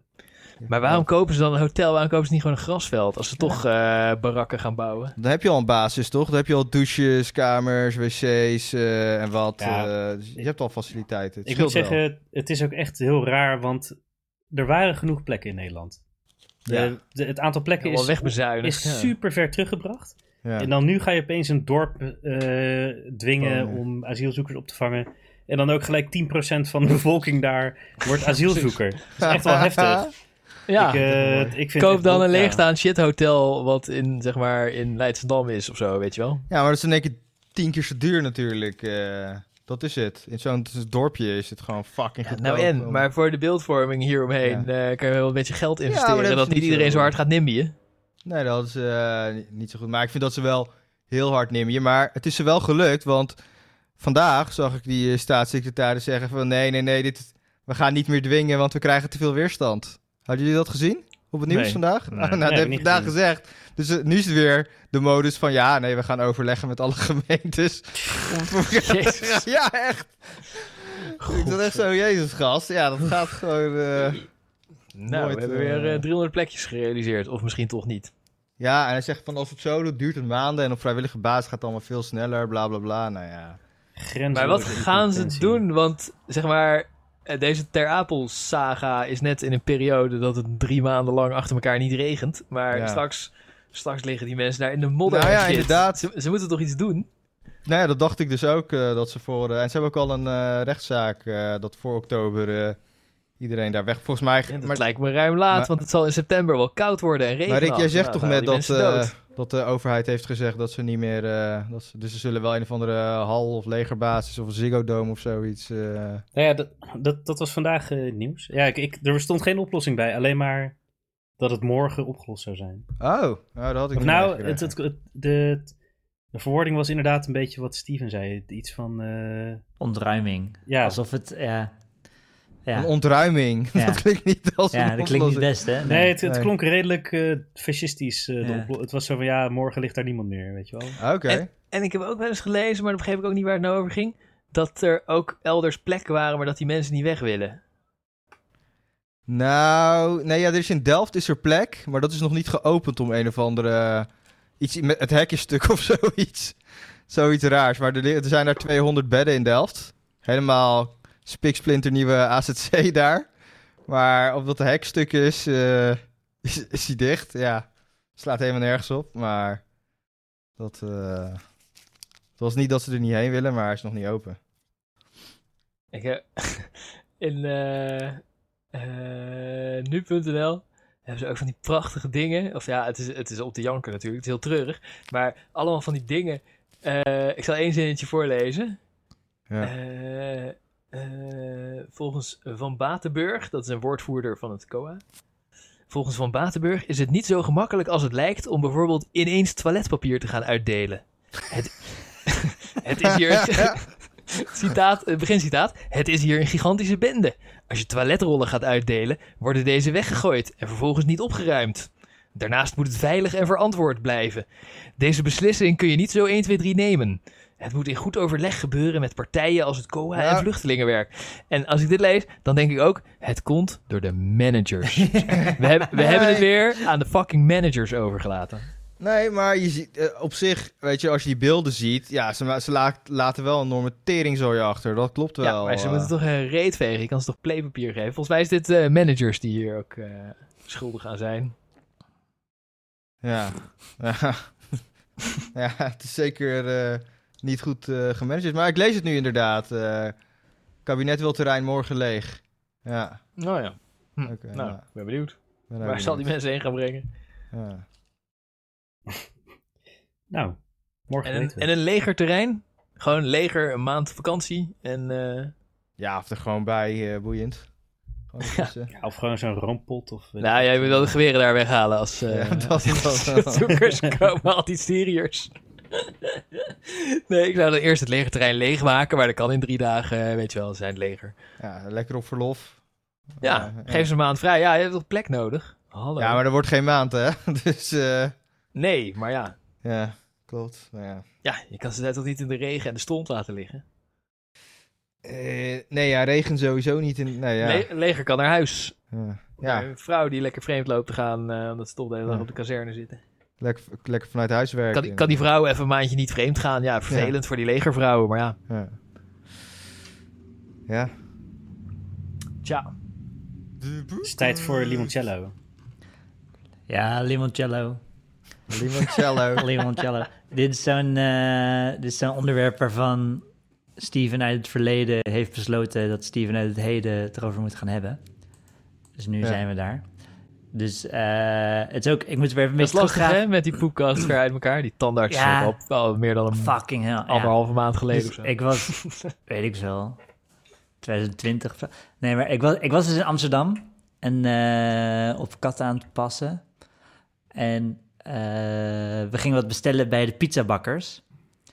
En de pizzabakkers is een tent, soort van franchise volgens mij. Ze doen een beetje alsof ze local... Oh, het is ook daadwerkelijk hun naam. Ik dacht dat Ja. je gewoon... Ja, de Ja, nee, ze- ze noemen zichzelf- ook in Rotterdam. Koekenbakkers. Ja, het is fucking, it's, it's fucking genius marketing, want ze doen alsof ze... En het thee toch? Pizzabakkers.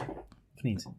Oh, dat, Dat, is de Rotterdamse eh, Maar ze- aftakking. Ze doen alsof ze gewoon een gezellige lokale plek zijn of zo, maar het is gewoon een franchise. En volgens Ja. mij een businessmodel is dat ze eh, gewoon een pand kopen en dan daar een fucking grote pizza oven in gooien.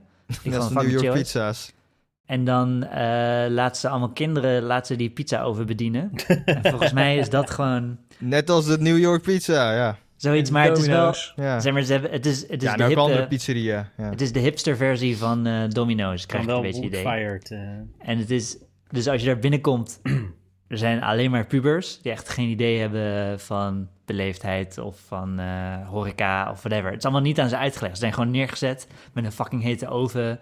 En, eh, mogen ze shit gaan, eh, eh, uitgeven. En iemand, volgens mij, iemand achter de schermen wordt er fucking rijk van. Ze hebben wel chille pizza's. Dus dan, het is een goed, het is een goed model. Nou, dat is toch heel anders dan de domino's dus. Dus toch reclame voor ze gemaakt. Ja, dat wel.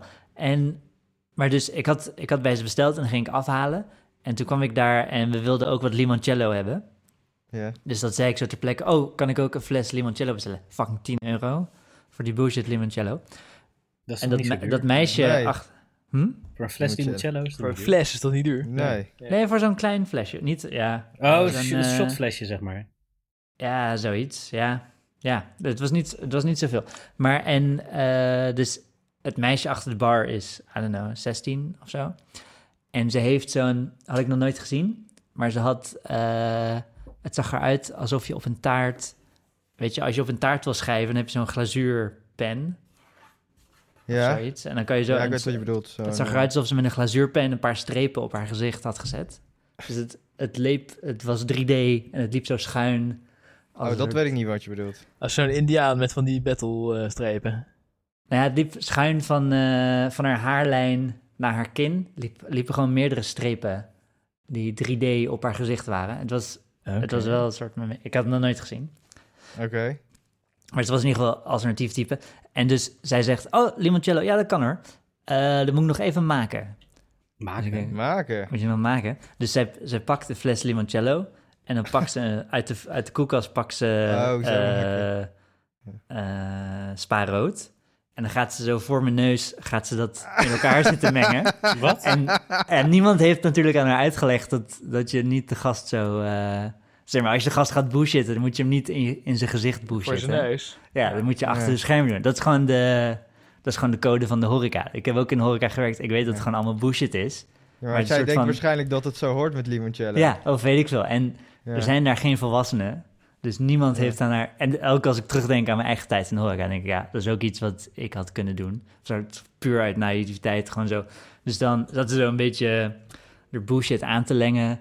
Eh, en dan geeft ze mij zo die fles voor 10 euro. Oké, ik denk, ja, ik ga niet boos worden. Op, ik ga er niet, ik ga niet uitleggen. Oh ja, ik ga whatever. Dit is goed. Ik eh, koop gewoon nooit meer limoncello hier. Dus Maar het was dus Dus- gewoon, je kreeg limoncello met water. ja, ja. Ik, ik wist überhaupt niet dat je dat bij de pizzeria kon kopen. Ja, nee, en dit was homemade limoncello. Dit was ah, homemade limoncello. Dus eh, ik weet ook niet of je zomaar homemade shit, zo homemade alcohol mag brewen en dat Maar ik niet. waarom mengen ze het niet gewoon van tevoren? Omdat je dat niet in de vriezer kan bewaren? Ja, ja, nee, nee, dat was slim geweest. Maar dat meisje eh, was daar niet van op de hoogte. Dus die deed het gewoon Nee, ja, ik denk dat, ze, Ja. ik denk dat dan, als je dan weer terug in de vriezer gooit, dan eh, bevriest het. Oh, misschien. Weet ik niet. ja, misschien dat het dan te koud... Want ja, die limoncello die erin ging, die zag er wel dik uit. Ja, Ja, maar dat limoncello is ook gewoon pure suiker met alcohol. ja. Ja, hoe, maak je, hoe maak je het dan? Is het met wodka of zo, of wat? Eh, je, je maakt het van eh, citroenschil met pure alcohol en heel veel suiker erbij. Oh, oké. Het is een Ja. eh, liqueur. Pure alcohol. Ja, Oh. je... Ja. Ja, tenminste, je hebt Het dat is wel- eh, kort ik heb- opgezet, maar... Ik heb in mijn leven heb ik fucking ranzige en fucking lekkere limoncello gehad. Het limoncello is niet echt eh, zoals whisky of zo. Het is niet gestookt. Nee, ja, Het is ik, echt een liqueur. Ik, ik, heb, ik heb het eh, wel eens gedronken. Maar eh, ik wist je niet dat krijgt het homemade Italiaan als, eh, als je weggaat, krijg je zo'n... Ah, het is fucking lekker, jongen. Ik word altijd zo als bezopen. het Ja, goed het is, heeft wel wat. ja. Ja. Ik was laatst in eh strandtent en ging met mijn kinderen een ijsje halen. Zag ik allemaal flessen limoncello in de vriezer liggen. Ik zei, oh, wat is dat? Ja, limoncello. Ik zei, mag ik limoncello? Zegt ze, eh, eh, nee, ja, nee, eh, die is eigenlijk niet te koop. Nee, eh, die is voor eh, na het sluiten. Met een collega Frik. maar die lag gewoon in de, in de vitrine vriezer, waar je je kinderen door het ruitje kan laten kijken of ze een raketje willen, of een schatkistje, of, of een cornetto, of een calippo. maar ik moest wel om lachen. Nice. Ja, jammer. Jammer. Je had ze ook, Ja, eh, ook wel jammer. 3 euro kunnen geven en dan... Dat Maar kan je bij de pizzeria limoncello halen? Ja, dus bij de, bij de pizzabakkers. Dus Oh, echt alleen de bij de Italiaanse bij de pizzabakkers. Ja. Maar die vakkers... Oké, dus ik loop weer terug met de pizza's, twee pizza's en dat flesje limoncello. En ik zet de limoncello op tafel, we zitten buiten en we gaan de pizza eten. En dan ontploft dat flesje limoncello. Ah, Die ontploft gewoon. Gewoon, we deden niks. En die gaat zo baaf. En alle limoncello loopt door de tafel op de grond. Het glas dacht echt. Hij explodeert gewoon. Ja, eh, hij explodeerde gewoon. Gewoon van de eh, druk van de spaarrood. Ik weet, het is zo'n eh, van de kou of zo, of van de Maar was het nou spaarrood of spaarblauw? spaarrood. Zat Nee, spaarrood in de glazen fles natuurlijk helemaal vol en het dop erop. En, eh, Hè? Dus ze deden ook nog gaswater erbij. Ja, ze deden spaarrood. Ja, Ja, maar als ze dat stiekem van tevoren doet, dan merk je het meteen. Want limoncello heeft toch geen prik? nee, Nee, Ze weten helemaal prik. niet wat het is. Ja, precies. Het is gewoon inderdaad. Ja. ik dacht dat ze het aanlengden. ja, lengde aan Ja, ze dat spaarrood. aanleggen, maar met, met Ja, maar- spaarrood. I don't know. Oké. nee. En eh, ik ga haar niet vertellen hoe ze haar werk moet doen. Maar dat ding, dat, dat, hele, dat hele flesje ontploft gewoon. En alle 10 euro limoncello flikkert zo op de grond. Gadver. Dus ik denk, fuck, dus ik bel ze even op. Van, ja, het flesje is ontploft. Dus, oh, waren ze een beetje geschrokken. En eh, ja, ja, we geven wel een nieuw flesje. Dus ik weer terug daarheen gelopen. En eh, een nieuw flesje halen. En toen was er een andere chick. Ja, En die wist niet van de je moet die shit aanlengen regel. Ja. Dus van haar heb ik toen gewoon... eh, ze heeft eerst gewoon zo'n heel flesje gevuld. Maar ze waren bang eh, dat die nog een keer zou ontploffen. ja. Dus er was een oplossing, oké, we stoppen het gewoon in een spa-fles. Dus Ja. toen kreeg ik een grote, zo'n fucking anderhalf liter fles spa. Ja? Maar dan Een laag, limoncello onderin. laagje limoncello erin. Jezus. Die kreeg ik mee. En zij vonden dat ze het heel goed hadden opgelost hiermee. En eh, ik Oh, vond ook dat ze het Ik goed ook hadden wel, opgelost. ja. ja. ja. Maar de, Jezus. en toen, dus dan weer met die spa-fles eh, terug naar huis. En dan weer limoncello instrenken. En dan eh, wat van die limoncello drinken. Was fucking sterk. Was niet te zuipen. Was gewoon, Oh, was gewoon way too much, jongen. Was echt, ik heb nog nooit... Het was gewoon echt niet lekker. Dus toen hebben wij het daarna zelf met spa rood zitten aanlengen. en dus de reden dat het aanlengen was omdat er iets mis was gegaan bij het zelf stoken. En ze hadden het helemaal verkeerd gedaan. En het was gewoon niet te zuipen. Maar hadden ze hem wel zelf, hadden ze hem wel zelf gestookt, die limoncello? Ja, dat, is- ja, het zat in van die, van die stomme Xenos flessen. Dus Ah, ik ja. denk dat ze wel... Ah ja, zelf gemaakt, ja. Ja, Ja, je hoeft, je hoeft dus niet te stoken. Het- Je gooit gewoon in ja. een, eh, ja oké, als het niet, in een dan emmer. kan je het en wel dan, eh, legaal. Dus niet, ja. het is gewoon echt citroenschillen. Dan is het eh, gewoon een suiker recept eigenlijk en en, niet eh, een... alcohol, eh, ja. ja. Dat, dat is het dat is echt de meest ranzige, sterke... Dat was echt niet te doen. Maar daarna was het weer lekker. Ja, ja, met spa rood was het, eh, was het gewoon lekker. Ja, Maar het hoort wel een beetje stroperig en sterk te zijn. Ja, klopt. Als ja, ja ik, ken, ik, ken, eh, ik ken limoncello, maar dit was eh, above and beyond. Dit was, eh, Zo'n Radicaal. limoncello concentraat. ja. Dus dat, was, dat was mijn limoncello avontuur. Ik hoop eh, dat jullie hebben geleerd.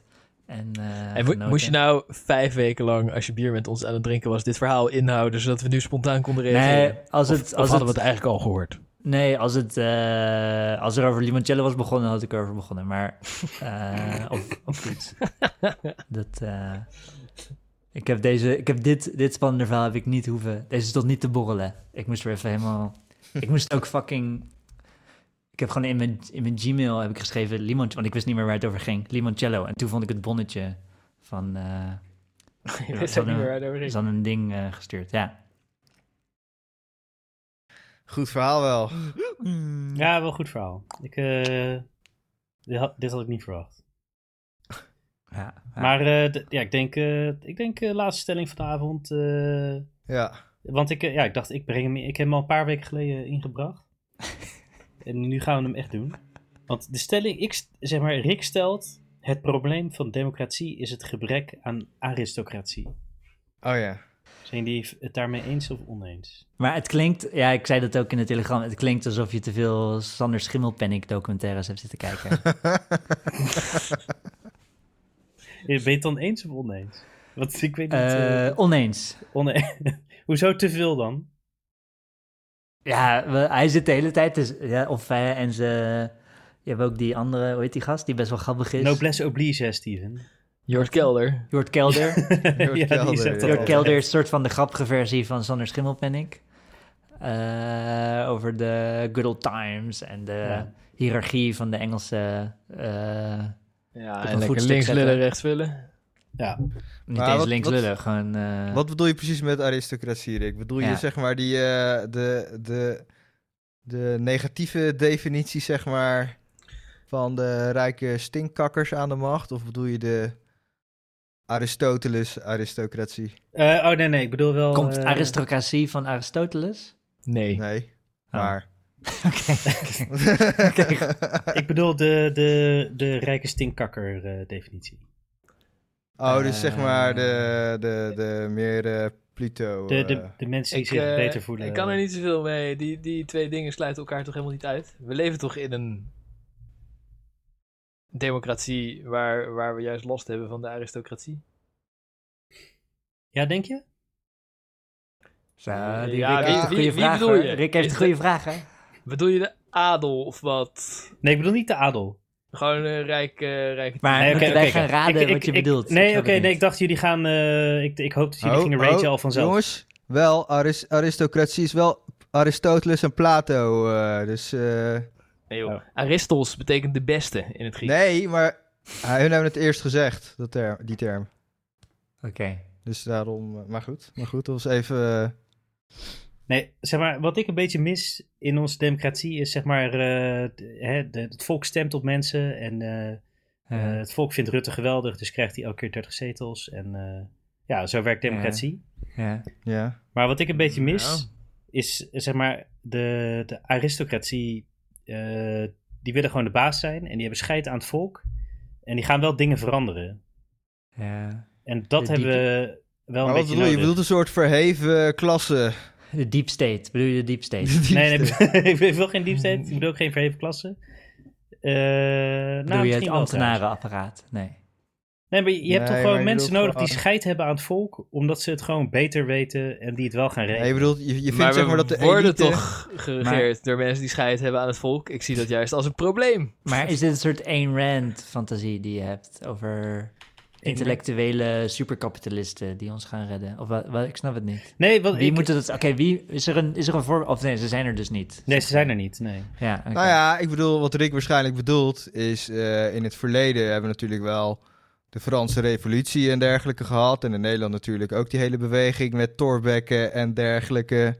Snap je, dat waren wel elites. Ja, ze zetten zich wel af tegen de, de gevestigde orde toen.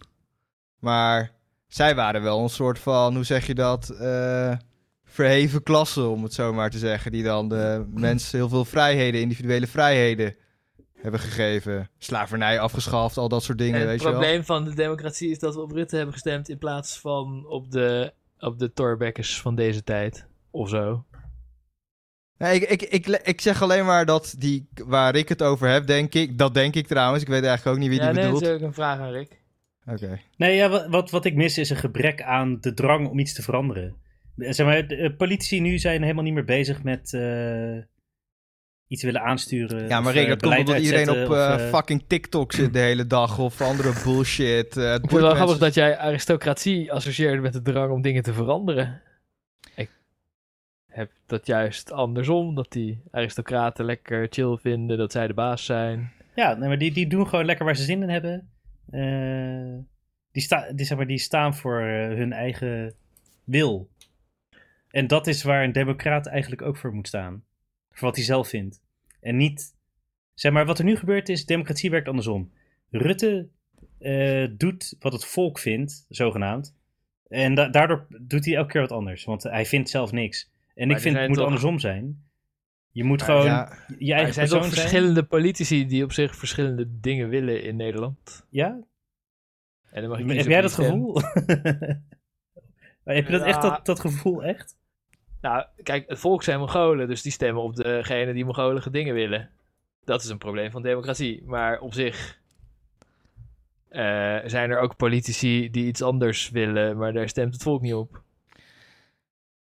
Nou, ze stemmen, wat, ik, wat je heel vaak hoort is, ze willen ook altijd iemand die premier waardig is. Die bullshit. En dan in Nederland wordt altijd de meest grote inhoudsloze manager is premier waardig. Dat is een Rutte, een Balken. Ja. Dat zijn Ja. echt van die mensen die gewoon inhoudsloos, ja, weet je, campagne voeren kunnen ze heel goed, maar na één periode ben je er wel achter dat het bullshit is en dan stemmen ze nog steeds op die persoon, omdat hij premier waardig is. Ja, En, eh, mensen, ja, de, de drang op inhoudsloze managers te stemmen is eh Heel groot in Nederland. buitengewoon groot. In Nederland vooral, vind ik hoor. Eh, dat, eh, dat, eh, Rutte, Rutte zei ook in het afgelopen, dat vond ik ook wel mooi. Werd hij op aangesproken dat hij niet, niet voldoende leiderschap toonde. En zei hij ook gewoon letterlijk: Ja, ik ben ook, ik ben ook niet de leider van Nederland. Had je dat gezien? Zei hij dat? Ja, dat heeft hij letterlijk gezegd. Ik ben niet de leider van Nederland. Dat is de stemmer, dat is de kiezer. Gast, Ja, wat de Oh, fuck? niet- natte, ja. Nee, gewoon maar in het ik- debat. Ja, Oh, maar ik dacht kom op, dat die- kan, dat kan je gewoon niet zeggen als premier, vind ik. Maar Nee. dat laat wel zien gewoon wat, zijn, wat, wat de instelling is. Van ja, nee, ja, ik ben maar een eh, manager die alles een beetje bij elkaar houdt. En ik geef niet echt richting.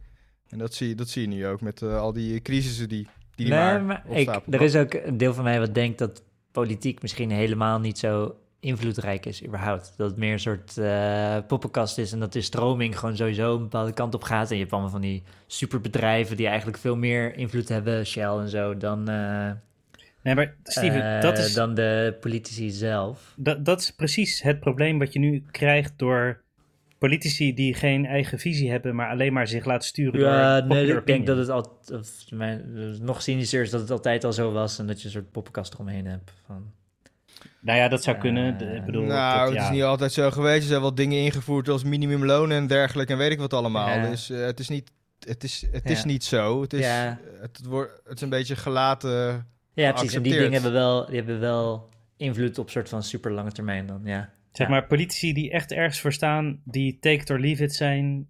Eh, dan heb je omzicht, weet je wel, die is dan anti-abortus. En, Is eh, die anti-abortus? Ja, ja, die heeft Oef. laatst, eh, laatst werd toch die termijn afgeschaft, was die, heeft hij tegengestemd. Oef. Oh, oké. Ja, Dus- ik, vind, ik, vind, ik, vind hem, ik vind hem ook wel sneaky hoor. Dat hij ook samen met eh. Joost Eertmans naar dingen is geweest. Naar uh, Tubergistan.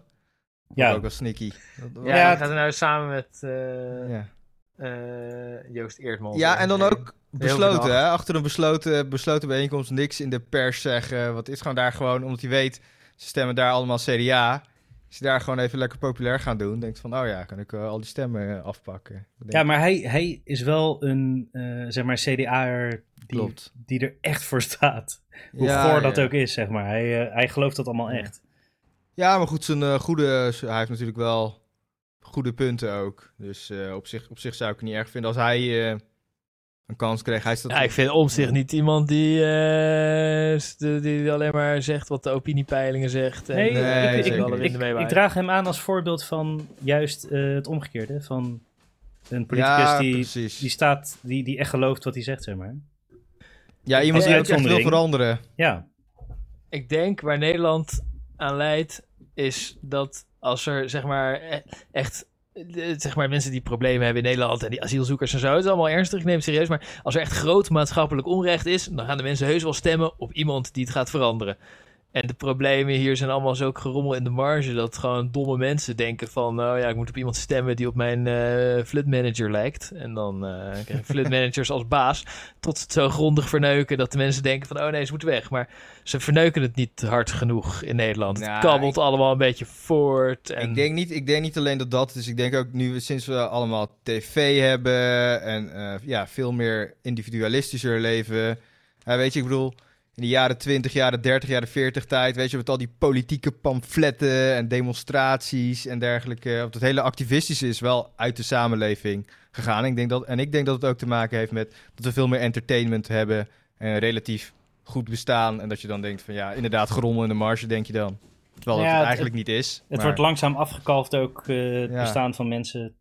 Ja. In de VS lopen ze al wat voor. Ze- ze- nee, maar zeg maar heel West, zeg maar moderne, moderne landen zijn, zijn best wel content eigenlijk. Dus eh, ook afname, lidmaatschap, vakbond en dergelijke. Dus gewoon allemaal heel wat eh, passiever. Dus eh, laat het inderdaad allemaal eh, over ons eh, heen komen. Ja, en in Amerika lopen ze wat voor. En daarom hebben ze daar ook Ja. op een gegeven moment iemand gekozen die Ja. het allemaal ging, die heel anders was en het allemaal ging veranderen. Maar het bleek een vette mogol. En daarom zijn ze in Nederland bang dat eh, of, of mensen wel premierwaardig genoeg zijn. Want Amerika stond voor lul met eh, Trump. En dat, dat Ja, willen maar ik vind, ik vind dat ook weer echt het totale andere extreme. Want als je in Nederland kijkt, ja, weet je, van al die grote partijen... Ze kunnen allemaal wel premier zijn. Ik bedoel, flikker op, wat doet de premier nou? Die moet eh, een regeerakkoord uitvoeren met zijn collega's. Ja, Nee, ja, bedoel- natuurlijk. eh, bij eh, Ja. PvdA zitten nog wel acht mensen in de Tweede Kamer of zo. Ja, die zouden allemaal wel premier kunnen Ja, zijn. ik bedoel, echt. sorry, ik vind Klaver een sukkel, maar hij kan ook echt wel premier zijn, weet je wel. Ja, inderdaad. Kom Nee, op. vind ik ook. En mensen denken, zeggen dan altijd, ja, Klaver, ja, nee, ja, die is niet premierwaardig. En dan denk je van, ja, wat, wat, Wat verwacht je nou dat, wat dat hij moet doen? eh? en waarom is Rutte dat wel? Is eh Thierry die Baudet eh, premierwaardig? Ik denk dat hij wel eh, voor... eh, ja. Thierry Baudet, nee, die is niet premierwaardig. Ik denk dat hij wel die uitstraling heeft die mensen zoeken. Dat denk ik Zeg ook, maar ja. qua uiterlijk. Ja, hij heeft Ja. wel... Ik denk dat heel eh, veel mensen denken, ja. ja, hij zou wel een goede premier zijn. Ja, ja.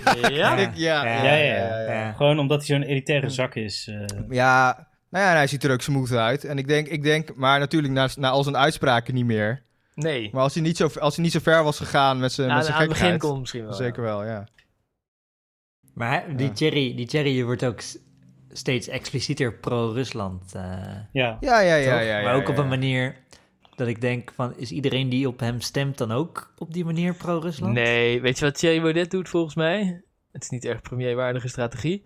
Ja. Maar eh, die heeft gewoon gemerkt van, oh ja, als ik die, zeg maar, mensen die, eh, mensen hebben een hekel aan die anderen. Dus, en die, als ik dan die anderen boos maak, dan waarderen mensen dat. Dus hij, zit- hij zit letterlijk heel erg te trollen. Hij zit gewoon te zoeken naar dingen waarmee hij die, die, die normale partijen over de zijk kan krijgen. En dan eh, zijn achterban, die verdiept zich helemaal niet in die dingen. En die is Ja. totaal niet geïnteresseerd in die hele oorlog. En die vindt gewoon lachen als hij die andere partijen over de zijk krijgt. Dus Rolf, gaat gewoon Ja. steeds raardere dingen hij, zeggen. doet wel, hij doet wel goed. Ik, ik zag laatst een, eh, een fragment van hem. En dan zegt hij, ja, en wat Poetin doet in eh, Oekraïne, dat is Ja. heel bewonderingswaardig. Ja, ja, Hij ja. vecht voor de, hij vecht Ja, voor de ja. vrijheid. En zei ook, en Oekraïne, dat is eigenlijk een soort Israël. en, Maar, oké, maar ja. je denkt niet dat, het, eh, dat hij banden heeft, financiële banden of whatever, met, eh, want daar doet het mij heel erg aan denken, eerlijk gezegd. Nou, ik denk Maar- dat Oh, nee, mensen dat wel denk ik denken niet. van, oh, nou, Nee, hij is die- onze vertegenwoordiger eh, in Nederland en dat, dat ze hem willen Nee. helpen, weet je wel. Maar zoals Trump ook, dat, dat de Russen graag hem willen helpen, omdat de Ja. Mongool is die het land ondermijnt, maar dat Ja. het niet per se zijn intentie is om zijn eigen land te ondermijnen, maar dat hij gewoon in, in Komt hun uit. val trapt. En dat als hij dan geheime dossiers heeft, dat het wel vrij makkelijk is om hem dronken te voeren en eh hoer te sturen en de geheime dossiers eh, te jatten. Maar niet, Ja. niet dat hij expres probeert om de Russische invloed in Nederland te vergroten. Maar het is gewoon, het is gewoon een debiel en die is makkelijk te manipuleren. En ik denk, ja, ja, dat wel, maar ik, ik denk, denk, wel dat er... ik denk dat hij gewoon denkt van, oh nou, eh Rutte en eh, Kaag en Klaver en iedereen is het eens dat eh, Poetin de slechte is. Dus dan ga ik zeggen dat Poetin de goede wordt, is, is, want dan worden ze allemaal boos. En dan denkt mijn achterban, haha, hij heeft Rutte en Kaag boos gemaakt over iets wat ik niet begrijp. En ook met die vaccinaties, weet je wel. Ja, wie is er nou tegen vaccinaties? Slaat helemaal nergens op. Dus wordt iedereen boos op hem. Nee, maar daar dus denkt zijn wel- achterban, ha, iedereen is boos. Nee, maar die wappies, dat is wel echt een grote groep. Die mensen die niet eh, vaccineren of... eh, Ja, want uh, fucking Thierry Baudet ze dat aanpraat. En ze denken, oh ja, moet je kijken, Rutte wordt helemaal boos als ik me niet vaccineer. Ja, dan zal het wel een Nou, complot zijn. Dat is wel een grassroots movement, eh, hoor, dat eh antifax Ja, eh, ik denk niet dat het, ik denk Maar- dat het bottom-up, niet top-down. eh, Ja, maar, eh, Nee, ik denk dat het wel eh, van twee kanten komt, hoor. maar ik moet zeggen, bij Rusland krijg ik wel heel erg het idee van... Oh, hij heeft banden met, eh, met eh, Poetin. Ah, nee, hij maar klinkt dat- echt gewoon als een en- spreek, spreekbuis voor Poetin, ja. Ja, dat is hij ook, maar niet... Maar ik- ja, ja, maar- maar jij jij denkt alleen Ik denk dat het niet uit, uit Nee, ik denk domheid. dat het anders... Ja, ik zie, Zeg ik zie die Ik zie ook niet de... eh, zeg maar de soort van useful idiot of de... Zoals Rolf het omschrijft. Voor, dat zie ik ook niet zo. Nee. Ik, ik zie juist een soort van nog een, du- nog een diepere laag. Dat eh Poetin die kijkt dan hier en die ziet zo Thierry Baudet. En denkt, oké, whatever. En dan denkt hij, oké, wat nu grappig zou zijn... is als ik ga doen alsof Thierry Baudet onder mijn invloed staat. Dus dan doet hij een paar, soort paar dingetjes. Gewoon omdat hij weet dat dat de maximale eh trollactie is, als het ware. Wat? Dus dat er niet eens een connectie is, maar dat hij een dat Rusland een heel klein beetje doet alsof er een connectie is. Thierry Baudet doet er een beetje vaag over, maar volgens mij is hij gewoon vaag. Volgens mij heeft hij niet. eh, Ja, nou, ik, ik denk niet dat er hele eh, schimmige... Hoe zeg je dat? Ik denk bijvoorbeeld ook eigenlijk niet dat Thierry's achterban denkt van... Ja, Poetin is een goede held die Europa komt beschamen. Nou, het boeit nee, kan gewoon geen drol. voorstellen. nee, Nee. nou, nou. En ik- nou, en ik- ik denk niet eens- eh, ik denk niet eens dat Poetin dat eh, denkt. Anti-Oekraïne geluid. lo- eh, Ik denk niet dat. Poetin denkt van... Oh ja, als Thierry dat zegt, dan denken allemaal Nederlanders dat ik goed bezig ben. Nou ja, laat zeggen, die wappiegroepen Ja. gaat wel anti-Oekraïne verhalen rond. eh. Maar zijn ze ook echt gewoon pro-Poetin van... Ja, Ja, dat is zo duidelijk moeilijk zeggen, te- die zeggen ze het niet, maar het zijn wel eh, gewoon een soort die kritische... Trolling, kritische het zijn dingen. gewoon politieke Ja. gothics dat ze lekker controversiële standpunten nee, nee, het, willen hoort, het, hebben. hoort, nee ja, het hoort erbij inderdaad bij, hè. Anti-fax, anti-dit en dan eh, anti-Oekraïne hoort er ook bij. Zeg maar, zo van die dingen die er allemaal bij Ja. horen bij die beweging. Ze Alleen hebben als ik Baudet hoor praten, dan, dan, dan vind ik dat toch wel... Ja, Nou, die, die mensen zijn niet echt in die oorlog geïnteresseerd. Ze hebben zo'n wantrouwen tegen de overheid dat ze denken van, oh ja, die oorlogsmisdaden zijn allemaal in scène gezet, want de overheid zijn evil lullen. En wie dan wel of niet het slachtoffer is van welke oorlogsdaad, dat interesseert ze helemaal geen reet. Ja, ja nee, precies. ze echt ik denk, totaal nee, ik, niet. kan, ik, ik kan me niet voorstellen dat er zo'n groot... Zeg maar, hoeveel, hoe populair Thierry Baudet is. Ik kan me niet voorstellen dat al die mensen pro-Poetin zijn. nee, niet allemaal, dat het maar... zo... Dat het... eh, Ik, ik vind het in ieder geval heel verdacht hoe pro-Poetin hij is. Verdacht, zeg maar. Meer dan van, oh, ik eh, ben naar wappies aan het panderen of wat dan ook. Maar goed, ja, we- ja. de toekomst Ja, zal het uitwijzen. Maar ik sluit niet uit dat hij het eh, dat echt een overtuiging is van. Ja, nee, maar dat klopt ook, want hij, hij is heel erg trots op dat hij in, eh, voor de oorlog eh, heeft gezegd dat dit zou gebeuren. En dat we nooit eh, Oekraïne hadden bij de NAVO hadden moeten laten en Ja. dergelijke. ja. Dat dat een provocatie ik denk Ja, dat hij Maar- sowieso... Maar Rick, Ja, of. Rick is, eh, is Thierry Baudet dan een voorbeeld van de aristocratie die jij zoekt? Nee, nee, nee, want Thierry is, ergens voor staat. Thierry en, is juist eh, anti, want hij doet en- alleen maar wat eh, waarvan hij denkt dat scoort. Hij staat nergens Ja. voor, hij vindt niks. Hij is, hij is een soort Rutte. Ja, jij denkt ook dat hij het doet om te trollen. Nou ja, ik twijfel soms, maar over de, de meeste dingen zeker. Ja. Ja, maar je mist dus, eh, je mist dus de, je mist meer eh, activisme eigenlijk, is wat je mist, denk ik. Nou, ik mis gewoon eh, ergens voor staan en scheid hebben aan wat mensen ervan vinden. Je mist eh, meer, meer Sander Schimmelpenning. Gewoon, nee, nee, ja, die... Die staat ergens voor. Die heeft best wel scheid. Hij is best wel rijk, Ja. De SGP toch? zit je eigenlijk eh, naar te verlangen. De, de SGP of Denk, weet je wel, dat soort partijen. nou ja, zeg maar, je kan er wat van vinden. Ik, ik zou er nooit op stemmen, maar... Denk of eh, alle- Partij voor de Dieren, weet je wel. eh, da- daar stem ik Denk al ook, eh, ook alleen maar naar hun achterban, naar de opiniepeilingjes te luisteren. Nou ja, misschien wel. Maar SGP bijvoorbeeld, die staan wel voor hun mensen. Het is wel een, een geluid... Het is, een, het is in ieder geval eerlijk. Laat ik het zo zeggen.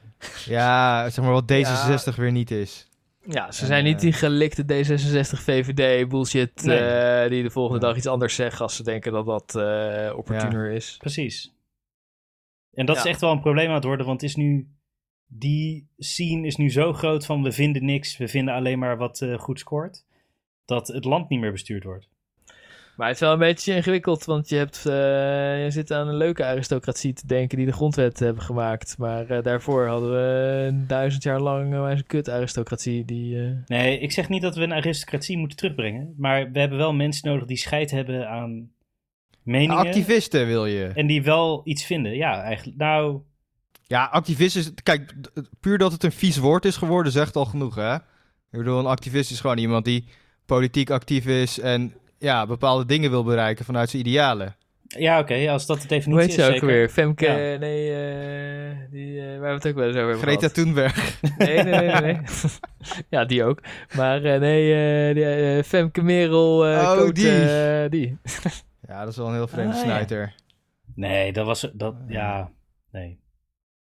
Zeg maar, wat ik heel erg met aristocratie associeer, is dat ze niet per se doen waar ze zin in hebben, maar dat ze zeg maar, eh, dat ze comfortabele vanzelf machtspositie hebben waar ze niks voor hoeven te doen. En dat dat ze dus de vrijheid geeft om te doen waar ze zin in hebben.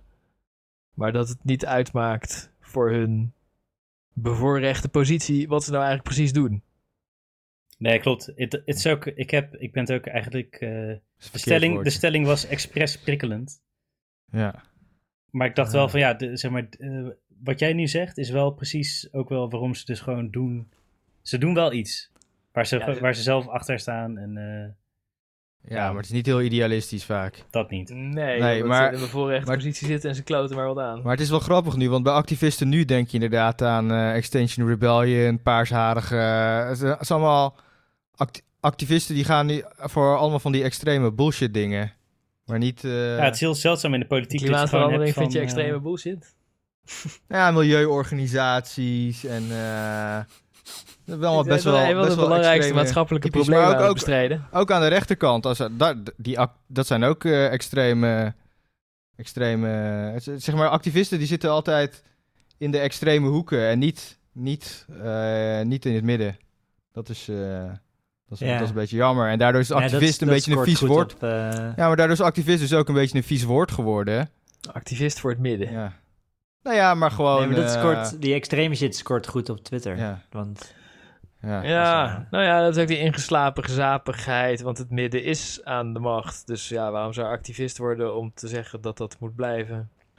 Nee, maar als je bijvoorbeeld eh, eh, meer voor, ja, ik weet niet, eh, bepaalde, inderdaad, weet ik veel, woningcrisis of zo, of, of, of asielcrisis, of weet ik veel, van die problemen die nu zijn, of vermogensongelijkheid bijvoorbeeld, of zeg maar meer die klassenstrijd, zeg maar, dat, daar zie je heel weinig activisme in, zeg maar. Maar wel, je ziet wel heel veel activisme in milieu, of, of, of, of inderdaad die boerenbullshit, of ja, inderdaad, als er genimbield moet worden, dan, eh, dan eh, is Nederland, eh, zijn we heel activistisch ineens, snap je? Als het om het eigen, eigen portemonnee gaat, maar zeg maar om, om zeg maar systemische problemen die iedereen raakt en niet het milieu bijvoorbeeld, of, of ja, inderdaad, weet je, die, die wat, eh, hoe zeg je dat?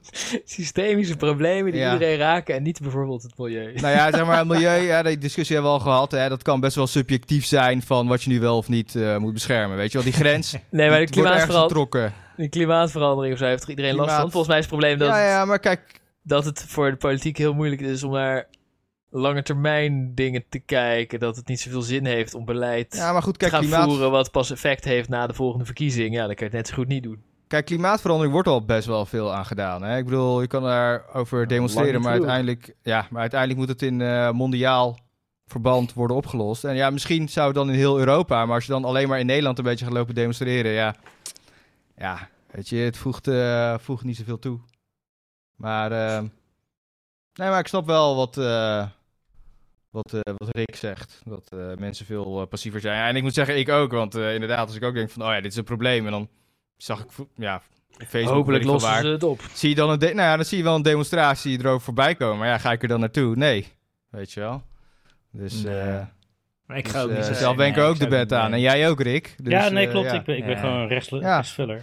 Nee, Nee, ja, bij- nou ja, bij het- heeft ermee te maken dat je leven al is ingericht en eh, dit en dat. Ja, ga je dan naar een demonstratie? Ja, ja, whatever. Maar bij demonstraties denk ik altijd van...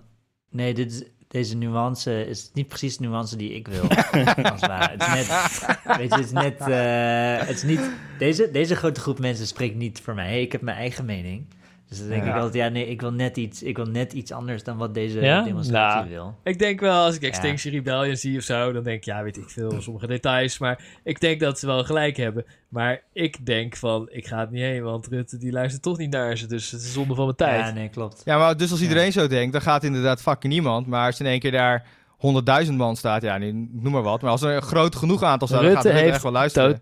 Totale scheid. Want Nee, er, stemmen, dan- stemmen toch mensen op hem en die, die, die vinden dat Nee, het milieuprobleem maar- lekker, eh, dat we lekker moeten werkt- en niks aan doen. Nou, Het werkt met demonstraties zo. Als de groep maar eenmaal groot genoeg wordt, dan, kan de politie, dan ontstaat er gewoon gezeik waardoor ze bedreigd eh, raken. Weet je wel? Kijk, demonstraties gaan helemaal niet om eh, vrolijk lopen. Tuurlijk heeft Rutte daar scheid aan, aan die kleine demo's. En een demo gaat erom dat het zo fucking groot wordt dat ze wel moeten. Snap je? En dat gebeurt niet meer. Nooit. Dus, Nee, eh, ja, omdat iedereen zo denkt, ja, Rutte luistert niet, dus gaat inderdaad fucking niemand. Terwijl als mensen juist dachten, we gaan allemaal, want dan moet hij wel luisteren. Zoals in Frank laat- Frankrijk is een mooi voorbeeld, weet je wel? Daar is het gewoon gelijk als ze aan iets van hun komen, van de, van de arbeiders, allemaal staken in één keer. Bats, weet je wel? Daar zit het er gewoon nog eh, enigszins in, Ja. snap je? En in Nederland is echt gezapig eh, wat dat betreft. Ja. Ja. Het begint wel te kantelen hoor. Ik bedoel, Ja, je hebt nu klopt. Die, Ja, zeg maar, zeker. de, de wappies en zo. Zo wordt het allemaal weggezet, Ja. maar daar zit wel onvrede in. Oh, zeker, maar er gaat ook, er gaat ook eh, veel meer onvrede komen. Het gaat echt met een rap tempo, ja, dus... eh, Zeg maar, het, het gaat nu nog over eh, allemaal onzin, Ja. maar dat kan zich ook vertalen in economische... Zo, even alvast een geel hesje bestellen op bol.com. Voor achter op je scootmobiel. Ja. Ik denk, jongens, tijd voor Candlelight. Ja, maar Rick, dus een, Candle- Candlelight, baby. Een betere wereld begint bij jezelf. Dus eh, hè? Ja. Oké, ik ga als... ga naar een eh, demo. Laat weten maar, naar welke demo je maar gaat. Sander Schimmelpenninck maakt zich hard voor de woningcrisis, hè? Ja, weet ik. Dus, eh, Nee, ik, ik heb niks tegen hem hoor. Maar Ik Ah. wel, want eh, heb je gezien dat ondertussen zijn stem voor allemaal beleggingsbankreclames eh, zit. Oh ja? Net Ja, ja, Jort, Kelder en Sander door Schimmelpenninck, Oh ja. die, die, die spreken allebei reclames in voor eh, ja. beleggingsproducten. Oh ja? Ja, dat kan toch. idee. ja, moet je, eens- luisteren naar tv-reclame. Maar dat is Ja. toch niet Ja, ja. per se tegenstrijdig met het doel? nee, dat vindt wat- hij ook niet. hij, wel. Vindt, hij kan best... Hij vindt... Nee, hij is dat tegenstrijdig? eh, hij heeft, ik, heb, hem- ik heb hem horen uitleggen in een podcast dat hij vindt dat hij gewoon... Ja, hij krijgt wel geld, maar hij kan nog steeds voor zichzelf nadenken. En hij zegt, ja, Ja. ik ben ook helemaal geen journalist. Ik ben gewoon een columnist. En dat is gewoon anders. dat klopt wel. Ja, ik zit eh klagen over dingen waar ik zelf in zit te investeren. Ik zit een beetje kritiek op mezelf Links, links lullen, rechts vullen. Ja. Ja, echt totaal. Ja. Ja, dat, ja Jort, Hij heeft het Jort nodig is om rechts lullen, kunnen rechts maar- Hij heeft het nodig om betaald te worden door Brand New Day... om aristocratisch eh, andere mensen les te lezen. Ja. Ja, nou, ik heb het niet nodig om daar naar te luisteren. Fuck hem. Nou, ik vond wel dat hij... Ik vind één uitspraak van hem ook wel eh, onthouden altijd. Wat, het enige wat trickle down is egoïsme. Vond ik wel... Ik weet niet of hij die zelf heeft bedacht, maar dat vond ik wel een goeie van hem. Die vind ik eh, heel abstract. Nee, ik voel hem wel. Ik voel Snap je hem hem wel. niet? Het is gewoon in Ja. een samenleving, Nee. de trickle-down-economie. Ja, weet je, we moeten de job creators helpen. Maar je creëert eigenlijk... Er trickelt helemaal niks down, geen geld. Het Ja. enige wat da- naar beneden trickelt, is dat mensen ook zo rijk willen zijn als die job creators. Oh, dus ze op die worden manier. ook... Al, de Ja. samenleving wordt ja, ja. egoïstischer. Ja, Ja. Ja, je wil je eigen hachie redden. Ja. ja. Harde wereld van de jungle. Ja. Een jungle is massive. Dames en heren, jongens en meisjes. Jullie hebben weer een hele aflevering van drie uur of zo, wat is het, overleefd. Twee Nee, uur. het valt mee. Minder Twee dan uur overleefd. Nou, 1 uur en 58 minuten, Steven. Ja, is twee uur. Want ik ga nu twee minuten vol lullen. Ja. En eh, Ja, ik, hoop, ik hoop dat jullie het weer mooi vonden. Wij genieten er nog altijd van om te maken. We willen Ja. onze excuses aanbieden aan al onze luisteraars die twee maanden lang met half stijve lul in hun hand zaten te wachten. Tot eindelijk de volgende poepcast zou droppen. We willen onze Ja. excuses aanbieden aan onze favoriete alcoholist. We willen onze excuses aanbieden aan iedereen die ooit bij de Scallywags heeft besteld, of ze nou tevreden waren of niet. We willen onze excuses aanbieden aan mijn oude tandarts. Aan de toegewijde hardwerkende managers van het AZC in Bulgarije. Aan, de, aan de asielzoekers, jullie mogen echt wel klagen hoor. Nee, die niet. We willen onze excuses aanbieden aan alle wijven die gewoon hun bloederige tampons door de play spoelen zoals het hoort. En we willen vooral onze excuses aanbieden aan alle aristocratische wappies die alleen maar proberen op te komen voor een betere wereld zonder vaccins en zonder, eh, Met omgekeerde Eh, vlag. zonder vrijheid. En eh, ja, waar je gewoon je scheid overal mag dumpen in de natuur. Free Max. Jullie proberen ook maar het beste voor de wereld. Waar je gewoon lekker politici mag bedreigen met brandende fakkels voor hun deur. Jullie willen gewoon een betere wereld. Dus sorry dat we altijd zo flauw over jullie doen. Rick, je zoekt naar meer Maxen, dat is het. ja. Jullie hebben echt een heel ander concept van aristocratie dan ik. Dat merk ik wel. Max. Verheven persoon. Ja. oh man. Je, hebt net niet gehaald, Rolf. eh twee uur. Oh. Nog. Nou ja, jammer dan. 22 Fuck jullie. Oké. Daar bied ik volgende week excuses Ja. voor aan. Oké. Doei. Ja.